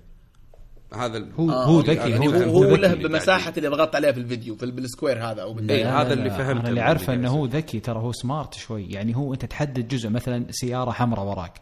هو يمشي ترى مع السيارة يقراها لكن يصير لا لا أنا أنت قصدي إذا, تعدلها إذا يعني اي أنا هذا قصدي انه إذا طلع مثلا على ال frame وهو قاعد يعدل أنت ترد تعدل ال frame أيوه بس. بالضبط اي مو نفس إن أنت لا جميل. تمشي frame by frame نفس اللي كنا نسويه بال Final Cut ولا ما سوينا شيء من. الميزه أجل اي بالضبط اي بالضبط بالضبط لا كويس إذا هي smart مرة مرة بتريح ناس كثير طيب آه آه 1970 شو السالفة؟ لا لا لا يا أخي هذه طال عمرك شوف أتوقع انه كان في developer قاعد يتفلسف أو قاعد يلعب يبي يصيد شغلة بال- بالتليفون وصارت معاه وعلق التليفون اللي تدري إيش كان يبي يعني يسوي؟ تدري إيش كان يبي يسوي؟ خليني أتخيل شوي. زين؟ أنا؟ أنا اللي أتخيل إنه قاعد يلعب لعبة السنافر ولا Clash of Clans طيب هي يمكن أيوه أيوه وعرفتوا لما تبي تزرع شيء بعدين تبيه بسرعة آه يبغى لك تغير التاريخ يطلع لك كوينز ما أدري ليش أحس كذا ما أدري ليش يمكن. ما يمكن. بس إنه يعني تخيل كل الألعاب هذه وقفوا الشغلة هذه إنك تغير التاريخ. والله اللي واضح إنه خبري عتيج. طيب. إي اللي استغربته انه يعني إن الناس كبرت الموضوع بشكل خيالي. إن هذه ثغرة في الآيفون ومشكلة ونظام خطير وث... يا حبيبي لا بس هو فعلا يقفل الجهاز نواف؟ هو اللي يصير فيه إن الجهاز ما يشتغل. فاللي عليك إن أنت لازم بعدين. تشيل البطارية وترد تركبها مرة ثانية. بس الآيفون لازم تفتحها يعني عشان تشيل البطارية. بقى للامانه؟ للأمانة في أكثر من شخص جربوها ونشروا فيديوهات وقالوا إنك لو تخلي الجهاز خمس ساعات مو مشبوك بالشاحن بيرجع يشتغل طبيعي. يعني شوف كل واحد له طريقة طلعت. اي لكن أنا ما عجبني ال hype اللي صار كذا إيه، أنا تكبر يعني شوف حتى ما. تكلمت وبعضهم عنها حاول يشتهر. اي أنا أنا للامانه ترى ما تكلمت حتى بحرف واحد عن عن المشكلة كان وكل الناس تسألني وهل صحيح أكيد ما راح اتكلم اي ليش ما بتكلم لا لا مو عشانها سلبية على الآيفون لا والله أنا بالعكس أكثر من شغلة إذا صارت سلبية والله العظيم لو. بالعكس يعني شيء يعني إحنا لما نقول شيء على يضحك، الآيفون نبي إيه. يتعدل بس إن هذا. شيء يعني تكفى إيه، شيء سنة يضحك، شيء 70 يضحك، سنة 70 شيء كمبيوتر. ما في كمبيوتر personal شيء- كمبيوتر ماكو. هذا هذا زي اللي تقول لك ما لقى شنو المثل ذاك؟ نواف اللي يقول لك ما لقى مدري عيب في اي ما ادري وشو أحمر الخدين. المهم والله شيء زي كذا ترى. فعليا ش- ترى شيء زي كذا. يعني كأنه قال لك والله ما يقول لك ما لقى في الورد عيب قال يا أحمر الخدين. أيوه صح عليك. عليك أيوه. نور. زين إيه. فأنا احس يعني يعني شوف- أحس المشكلة تطبق المثل هذا حرفيا. عشان كذا ما تكلمت. وليش أيضا يعني أنا دائما عندي وجهة نظر ثانية لل- للأشياء اللي زي كذا اللي أعتبرها بالنسبة لي سخيفة انها ممكن تأثر على المستخدمين. يعني مثلا الحين حنا في دائرة 10 أشخاص. طيب وأنتم شوفوا غلطوني إذا أنا غلط أو صح في في في, في, في, في طريقتي هذه. الحين حنا في مجال 10 أشخاص. الشخص رقم واحد اكتشف مشكلة في الجهاز. المشكلة هذه لما يسوي واحد اثنين ثلاثة تصير خلل في الجهاز يصير خلل في الجهاز. راح علم رقم اثنين. حلو؟ الآن اللي يدرون عن المشكلة في محيط عشر أشخاص واحد اللي صارت له المشكلة واثنين خوية. لو إن اثنين هذا جاء وجلس عند خمسة من من العشرة هذول وقال لهم صارت المشكلة عند كم؟ عند سبعة. عن سبعة. اي فليش؟ أنا أنا دائما باعتبار إن المشكلة لما تصير خلاص كتم عليها. إذا مشكلة أقصد تافهة يعني مو شيء تحذر منه. شلون تافهة؟ يعني كم نسبة الناس اللي بتروح وتحط تاريخ 1970 تقريبا صفر تقريبا صفر فاصل صفر فاصل صفر فاصلة واحد اللي بتسويها. لكن كم عدد الأشخاص اللي ها بيجربون سواء أطفال ولا مراهقين ولا متحمسين ولا مشككين؟ بتزيد بتوصل 40 30 20 بالمية. الناس بس انت بتجرب. عارف يا محمد وش ال... وش الشيء اللي يمشي هنا. الناس تبغى تبغى طيب تنشر. أنا مالي شغل. عشان كذا قاعد أقول لك إن في ناس تنشهر بسبب أشياء سخيفة. أنا ضد الأشياء هذه وأتكلم عن تقنيين. إيه يعني- يعني تقنيين ما يصدقون ما إيه يصدقون بالضبط. أشياء زي كذا على أساس يعني- ينتشر. معليش. معليش. أنت كذا قاعد تبين شيء غلط الناس واجد. يعني تعلمهم يا جماعة الخير ترى إذا سويتوا كذا بيختلف جوال طب أنت تدري الشريحة هذه اللي تسمعك كم واحد بيطبق؟ لكن لو لو إنك تكتمت على الموضوع. انتهى الموضوع صح أو وفوق هذا يعني الشيء اللي أنت قاعد تقوله ما في مصلحة بالضبط. يعني مثلا لو في برنامج في فيروس مضر للناس انشر. راح أقول حق الناس يا جماعة تجنبوا إنكم تسوون الشيء هذا هذا أنت أعطيتهم. فايدة رابط صار في مشكلة يا جماعة لا تسوون هذه الشغلة لأن هذا في مضره لكم لكن لما أي وأقول حق الناس ثغرة خطيرة في نظام الآيفون زين الثغرة هذه شنو؟ إذا حطيت تاريخ 1 1 1970 جهازك راح يقفل وما راح يشتغل.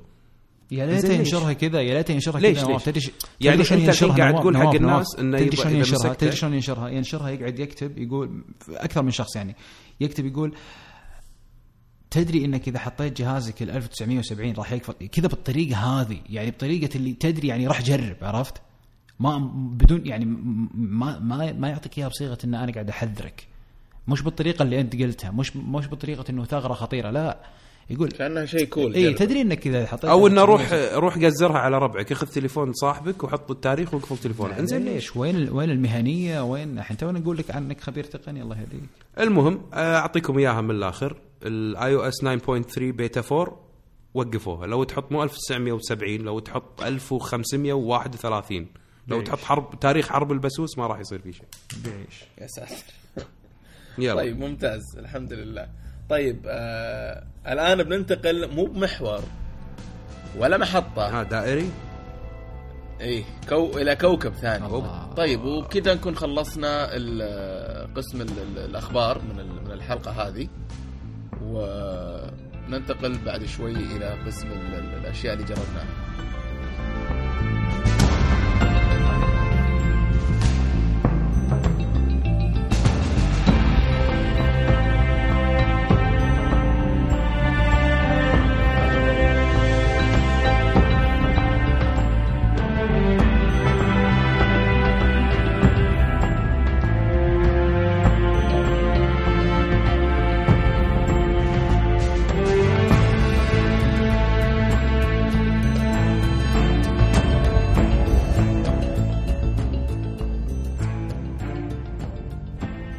وحياكم الله مرة ثانية في القسم الثاني والأخير آه، اللي هو ال- الأشياء اللي جربناها من تطبيقات وخدمات في الفترة الأخيرة. آه، أول تطبيق تكلم عنه اللي هو تطبيق آه، طالع يبدو لي من وزارة الداخلية اسمه كلنا أمن. فكرته جدا جدا لطيفة وننتظرها الأمانة من فترة ليش ما يسوونها.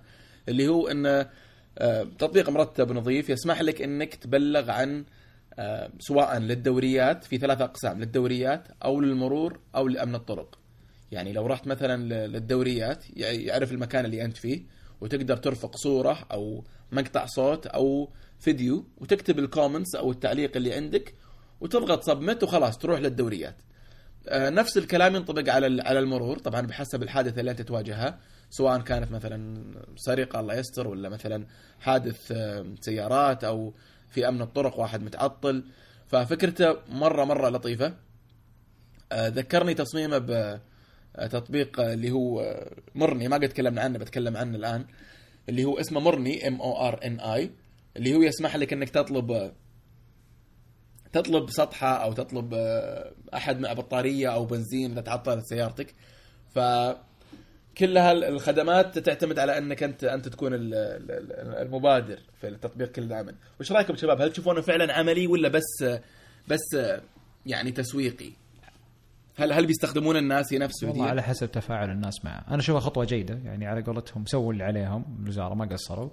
أه، جربت أن التطبيق للأمانة يعني مبني صح. وتقريبا ما في يعني تقريبا خالي من الأخطاء البرمجية. يعني واضح إن اللي اشتغلوا عليه اشتغلوا عليه بشكل مضبوط. حتى الديزاين للأمانة يعني جميل سمبل ويناسب الوزارة. أه، بس الكلام طبعا على تفاعل الناس. يعني على قد إيش هم أه، يعني لازم يشتغلون إعلانات. يعني لازم يشتغلون على كامبين كامل من الإعلانات ومن الشروحات و...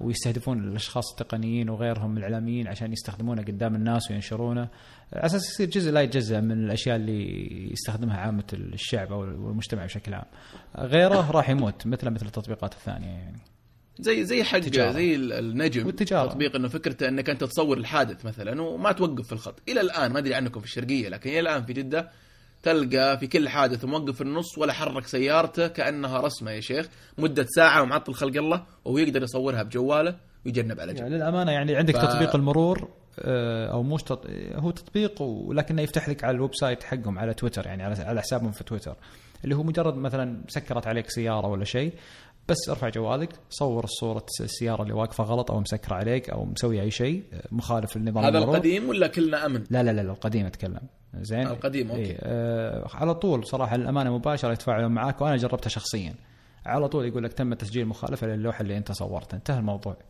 للأمانة يعني هذه مرة يعني رهيبة جداً هذه مرة رهيبة. بتكون مفيدة. نواف عندكم شيء مشابه؟ والله أتمنى. تطبيقات إحنا مشكلتنا ثلاث أرباع يعني آه، زحمة الشوارع والسبة الشغلة هذه. تلقى اثنين سووا حادث. وقفوا. ربك واحد. أنتم ع- أنتم عندكم نجم by the way زينا تيجي واحد يقيم الحادث ولا نفس المرور اللي يقيم؟ اي لا الدورية اللي تي هي اللي تسوي التقرير. إيه، مو تروح- شركة يعني. أوكي. لا لا. آه، ف يعني الشيء هذا صراحة متعب جدا. يعني يا ريت إنه يصير هذا الشيء موجود. صور السيارة واصطف على جنب أو روح المخبر وخلاص انتهينا. بس يقولون إنه فيه. ننطر ونشوف. طيب جميل جميل. قريب إن شاء الله يا- إن شاء الله يمكن بعد ثلاث 30 40 سنة. لا لا لا تفا طيب تفاعل- تفاعل. لا إن شاء الله أقرأ أقرأ. خليك متفائل. طيب آه، آه، محمد وش سالفة آه، Into Live تطبيق؟ Into Live. آه، للأمانة تطبيق طحت عليه بالصدفة. آه، ومرة مره أوه أنت. هم بعد من ربع بالصدفة؟ اي بالصدفة. آه، ناس قالوا لي حملة بالصدفة وحملتها بالصدفة. أه والله شكل اسم الحلقة بالصدفة. تصدق يا أخي الحلقة دي لها مليون اسم. المهم آه، كنت ناوي أسميها محطة ولا تسميها بالصدفة ولا شو ولا؟ المدير. ولا ح... ولا إنفلونزا. لا ولا محجوز حقي ولا بلاوي. إيه. لا البحرين حقتنا خل الحين غير الم- المهم آه طيب التطبيق بصراحة الأمانة جدا جدا عجبني. أتوقع بيعجبك آه أبو ميار آه باختصار يفتح لك طبعا هو منقسم إلى يعني تقريبا قسمين. آه القسم الأول اللي هو يحول لك أي فيديو عندك إلى جف. جميل. غير التطبيق اللي أنا ذكرته في فقرة الأخبار. طيب تاخذ أي فيديو يطلع لك فيديوهاتك تختار مثلا من الثانية هذه لين الثانية هذه يحول لي اياها جف يصدر لك اياها جف وتصير موجوده عندك في الألبوم تنزلها على بدون ما يحط لك توقيع عليها توقيع لا لا ولا توقيع ولا شيء. طيب. ممتاز. آه وخلاص تنشرها بتويتر تنشرها بتليجرام تنشرها بكل مكان تشتغل GIF طبيعي زي الحلاوة هذا واحد. هذا مو بجديد في أكثر من تطبيق. الجديد شغلة ثانية مرة مرة عجبتني بصراحة. تعرفون إن الآيفون 6s يصور Live Photo صح ولا لا؟ صح. جميل. آه، إيش رأيكم بال Live Photo أنا واحد ترى مرة احبها يعني مرة صارت تسوي لي ذكريات على كل صورة. أنا مرة جميل. أنا أحط الخلفية أحط الخلفية Live Photo آه، عموما أنا يعني دائما أوري. أهلي كذا مثلا أقول لهم شوفوا هذا صورة صورناها ذاك اليوم يقولوا لي إيه؟ أقوم أضغط عليها بمدة ولا أقول للوالد أضغط عليها كذا بقوة فيعيش لحظة الصورة ذي. مرة رهيبة عرفت؟ اللي صاير في ال application هذا إنه يحول لك الفيديو اللي عندك إلى صورة لايف فوتو مم. حلو. جميل. فهمت؟ يعني مثلا والظهر له limit يعني لازم مثلا يكون الفيديو ما يتعدى مثلا الظهر 15 ثانية أو شيء زي كذا أو 20 ثانية. ما ما جربت بس في أتوقع limit تضغط عليه يقوم يقول لك حدد وين تبي الصورة على أي frame من الفيديو. ومنه هو على طول بياخذ آه، قبل الفيديو بأربع خمس ثواني ويحوله يحوله لك آه، كفيديو. فبعدين يصدره لك ك Live Photo. فخلاص يصير كأنك فعلا التقطت الفيديو هذا ك Live Photo ما هو فيديو عادي. أمانة مرة مرة عجبتني. ويقدر ويقدر يحول لي العكس ال Live Photo إلى فيديو؟ أه إذا احتجت. لا ما أتوقع لا ما أتوقع. أه فهذا يعني أه بصراحة شيء شيء جدا جدا عجبني. حولت أغلب جميل الفي... الفكرة. لا حولت أغلب الفيديوهات عندي إلى. اللايف فوتو يعني. اللايف فوتو في كثير متنبئين إنها في المستقبل تكون زي زي ال GIF يعني. إيه زي ال standard يعني منتشرة تكون في كل مكان وفي مستعرضات live photo وتكون مرة منتشرة. هي هو لازم يصير إنه أول شيء إنه يصير كل الشاشات يعني حتى شاشات ال GHTC وهذول إنه يدعمون شيء زي 3D Touch بحيث لو تبادل الملفات أو شيء زي هذا تشتغل. وأيضا يلاقون لها حل في ال في ال في ال في ال website أو أو ال desktop. وهو للأمانة تطبيق الفوتوز الخاص بالماك ترى يدعمها ال live photo الآن في التحديث الأخير للماك. يعني تقدر تشغل live photo في الماك زي السلام عليكم. آه، اي هذا يمكن ما حد يدري عنها. بس على الفوتو بس على. الفوتو يا آه، لكن لازم تتفاعل بشكل عام بعدين ممكن تنتشر ولا الأمانة ترى جدا جدا جميلة. ممتاز. جميل. طيب آه في في تطبيق ثاني بعد تتكلم عنه؟ اي عندي تطبيق ثاني اسمه فودي. آه، تطبيق من آه، تعرفون الشركة اللي سوت تطبيق لاين للمحادثة المنافس للواتساب وتليجرام؟ امبراطورية ذيك مو مو شركه عندهم ألف تطبيق من جد لكن للامانه أنا أحب شغلهم. من جد أحب شغلهم. آه، منزلين تطبيق اسمه فودي. آه، تطبيق من اسمه يمكن خاص بالأكل. شو اللي عجبني فيه؟ أنا واحد يعني أحب أحب أصور الأكل. زين أحب تصوير الأكل. أه لكني دائما لما أفكر في الناس كيف إنها لما تيجي تصور الأكل دائما تصوره بطريقة بشعة أو تستخدم فلاتر ما تناسب الأكل اللي هم صوروه أو شيء زي كذا.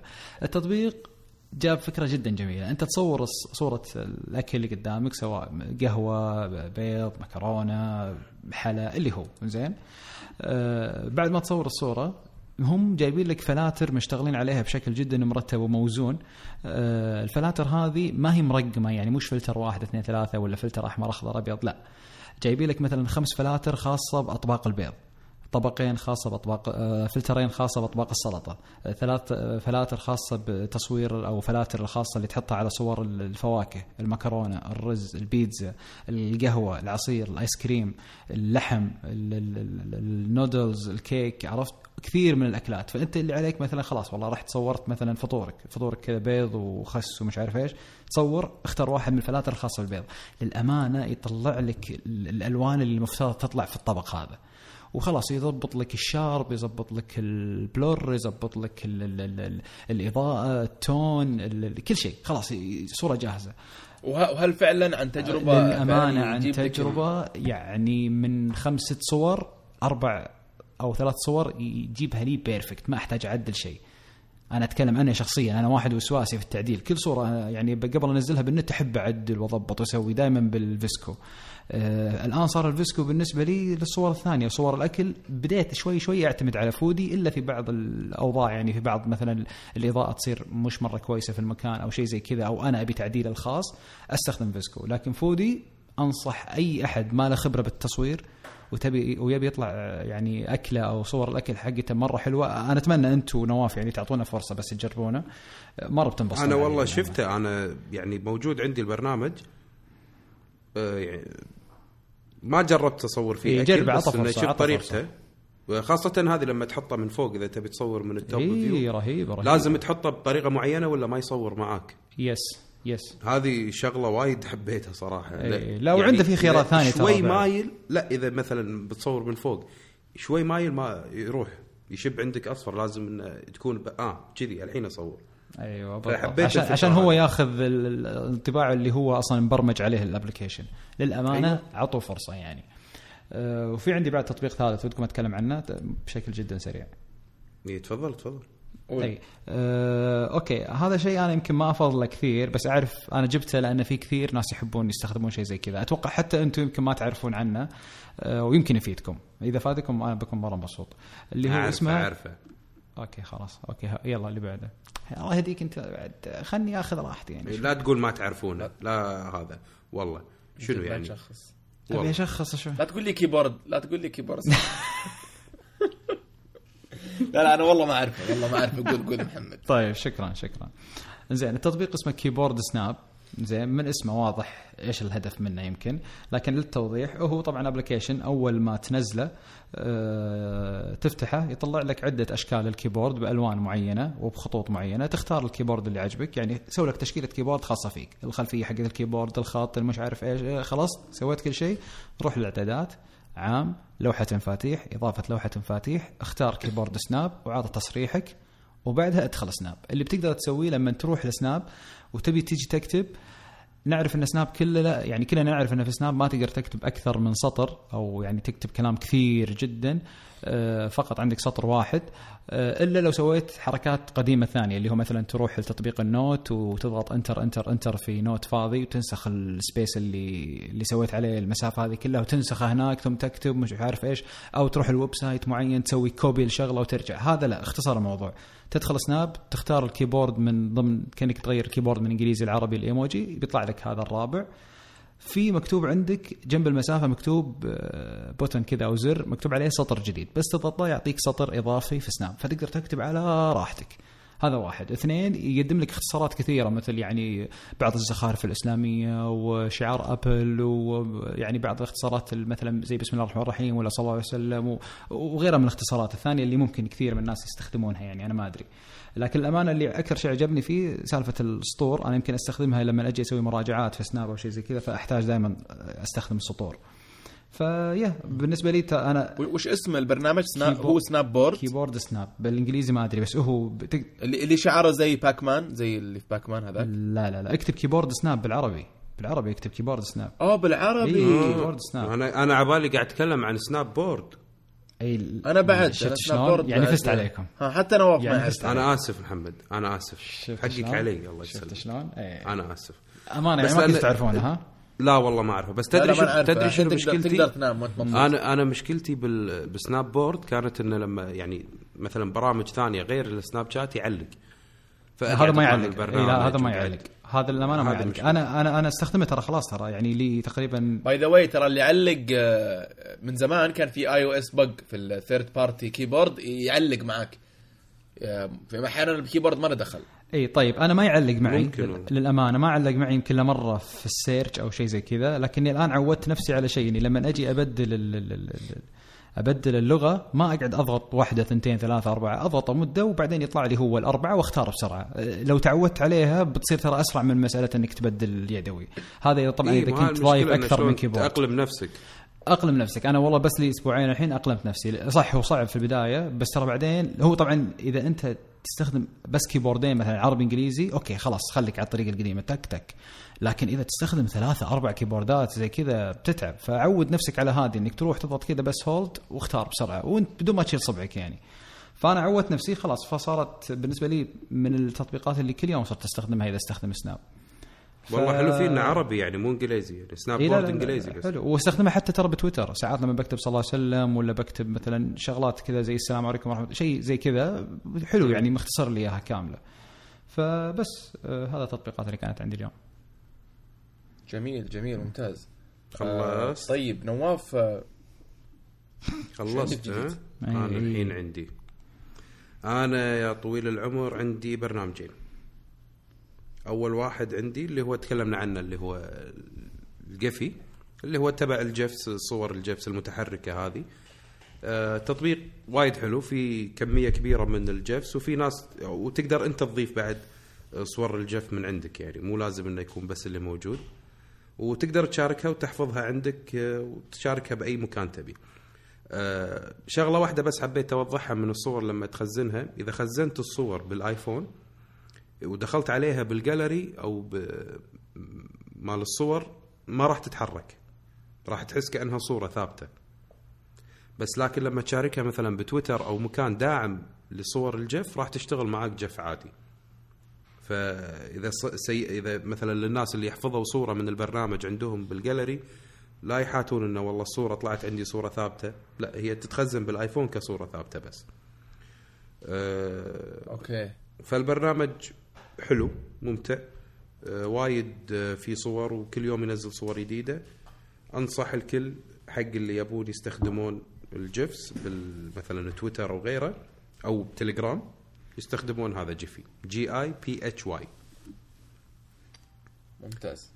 ممتاز جميل. بس ما في شيء وايد. وال البرنامج الثاني هذا جدا من البرامج اللي أنا حابها. أنا كنت already استخدمها على الماك وأخيرا نزلوا النسخه تبعته على ال- الآيفون اللي هو اسمه Airmail البديل الناجح لتطبيق البريد التافه مال أبل صراحة. وايد في مميزات. آه، طريقة استخدامه وايد سهلة. طريقة التعامل مع الإيميل وايد حلوة.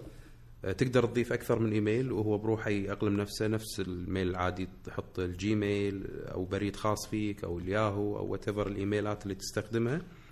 زائد إنه يصنف لك إياهم.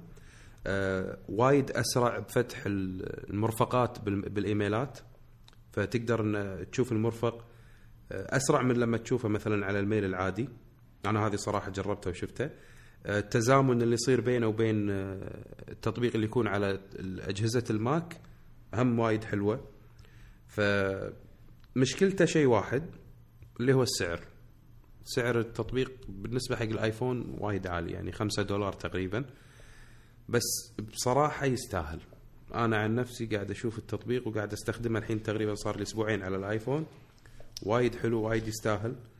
آه، في مميزات وايد حلوة يدعم وايد أشياء. آه، زائد آه، يدعم اللغة العربية. فعندك ال mail كله ممكن تسويه باللغة العربية. هذا شيء وايد حلو. آه، كل أش- المميزات اللي موجودة في الماك آه، انقلوها على الآيفون. نعم. كل اللي موجود هناك موجود على الآيفون. ومثل ما قلت لك يدعم اللغة العربية. مجرد أن أنت تختار العربي واجهة التطبيق كلها تصير بالعربي. فالإيميلات والبريد المرسل مسودات تسميات هذه كلها تصير عندك بالعربي وطريقة التعامل معاه كلها تصير بالعربي. وفي مميزات كثيرة يعني. تقدر تحط صور حق كل إيميل أنت تحطه. تختار بالإعدادات شنو مثلا الخدمات اللي تبي تشغلها مع خدمة البريد. فتقدر مثلا تشغل ال Dropbox ال Google Drive ال OneDrive. في يعني وايد برامج كثيرة. واللي يعني الحلو فيه انه إذا في برنامج هو داعمه مو موجود عندك يحط لك صورته ومكتوب يمه تثبيت انه تبي تنزله عندك على التليفون وتستخدمه ولا لا. فبرامج كثيرة يستخدمها. يعني تطبيق وايد حلو أنصح فيه صراحة. حق اللي ما يبي يستخدم البريد العادي تبع Apple جميل ممتاز ممتاز الله يعطيكم العافية شباب آه الله تطبيقات يعافيك جميلة الله يعافيك. وعوده ممتازة صراحة حلقة دسمة جدا آه ونتطلع إن شاء الله لل- لل- لل- للحلقة الجاية اللي بتكون عن ال- الأفلام والمسلسلات أوف، الأوسكار والله يبي الفكة. طبعاً. ختم طبعاً. ختم على خلاص طول. على طول. يلا مع السلامة يا جماعة. خلاص بس خلصنا لأن الأخ بيروح وخ... والله خلاص. والله نعتذر نعتذر للمستمعين بصراحة يعني ما أتمنى إن ننهي الحلقة بالطريقة ذي لكن شو أسوي في أنا أنا ودي إني أكل... ودي إني أكلم تليفون الآن عشان أقول يطلع صوت الطوط طوط أول شيء أول شيء ما قلت لهم الساعة كم الحين؟ تأخرت يا جرينتش. إي صح الساعة واحدة وثلث الحين. لا مو مضبوط. واحدة واحد وعشرين دقيقة. إي صح 21 و42 ثانية. نعم. يس طيب آه... تبغى تقول شيء يا أستاذ محمد؟ لا أنا ما أنا ما أقدر لا بس شيء فوق كلامك ما أقدر. أنا كنت أبي أسولف مع نواف نواف بس خلاص. لا أنا لا أنا سولفوا- سولفوا لا مع لا, بعض لا؟ مشكور طال عمرك خلاص بس. يعطيك العافية. ما أنت نهيتها خلاص. خلاص أصلا قال نتطلع. أنا من سمعته قال نتطلع قلت خلاص عشان واضحة. واضح. آه بس آه بس كويس ما فيني طاقة ولا والله جا... لا جالتكم بطاريتي مخلصة طيب آه يعطيكم العافية الله يعافيك. يعطيكم العافية الله يعافيك. على وقتكم الله يعافيك. والمستمعين يعطيكم العافية على الاستماع آه قبل ما نختم الحلقة بس نذكركم ب آه، متابعاتنا متابعتنا على حساباتنا في شبكات التواصل shuffle underscore cast وإذا عندكم آه، اقتراحات أو أو أفكار ممكن تكتبونها في نفس الهاشتاج باسم ال- البودكاست. بالإضافة إلى ال ال الاشتراك في البودكاست عن طريق أي تطبيق خاص بالبودكاست أو على ال iTunes نفسه. وإذا أعجبك المحتوى لا تنسانا من ال review لأنها تفرق معنا كثير من داخل ال- ال- ال- ال iTunes. آه، يعطيك العافية نواف. الله يعافيك ويطول عمرك يا أبو ميار. ما قصرت. إن شاء الله تكون آخر الانقطاعات زي ما ذكرنا. يا رب. وخلاص المرة الجاية ما نسمح لك كل حلقة بوجودك بإذن الله إن شاء الله. إذا الله كتب إن شاء الله الله يعطيك العافية. طول لي عمرك يعطيك العافيه الله يحفظك. يعطيك العافية يا محمد ما قصرت. ربي حبيبي هذا كنت كنت اليوم شوي آه، يعني آه، غثيث آه، عني عنيد شوي في الحلقة هذه. ما أبغى أقول غثيث بس عنيد شوي لكن الحمد لله مرت على خير. العنيد حلقة العنيد. حلقة العنيد. حلقة البثر حيوان. طيب يلا نرجع للمود اللي كان قبل الحلقة. يعطيكم العافية واشكركم على الاستماع ونشوفكم إن شاء الله في الحلقة الجاية. مع السلامة.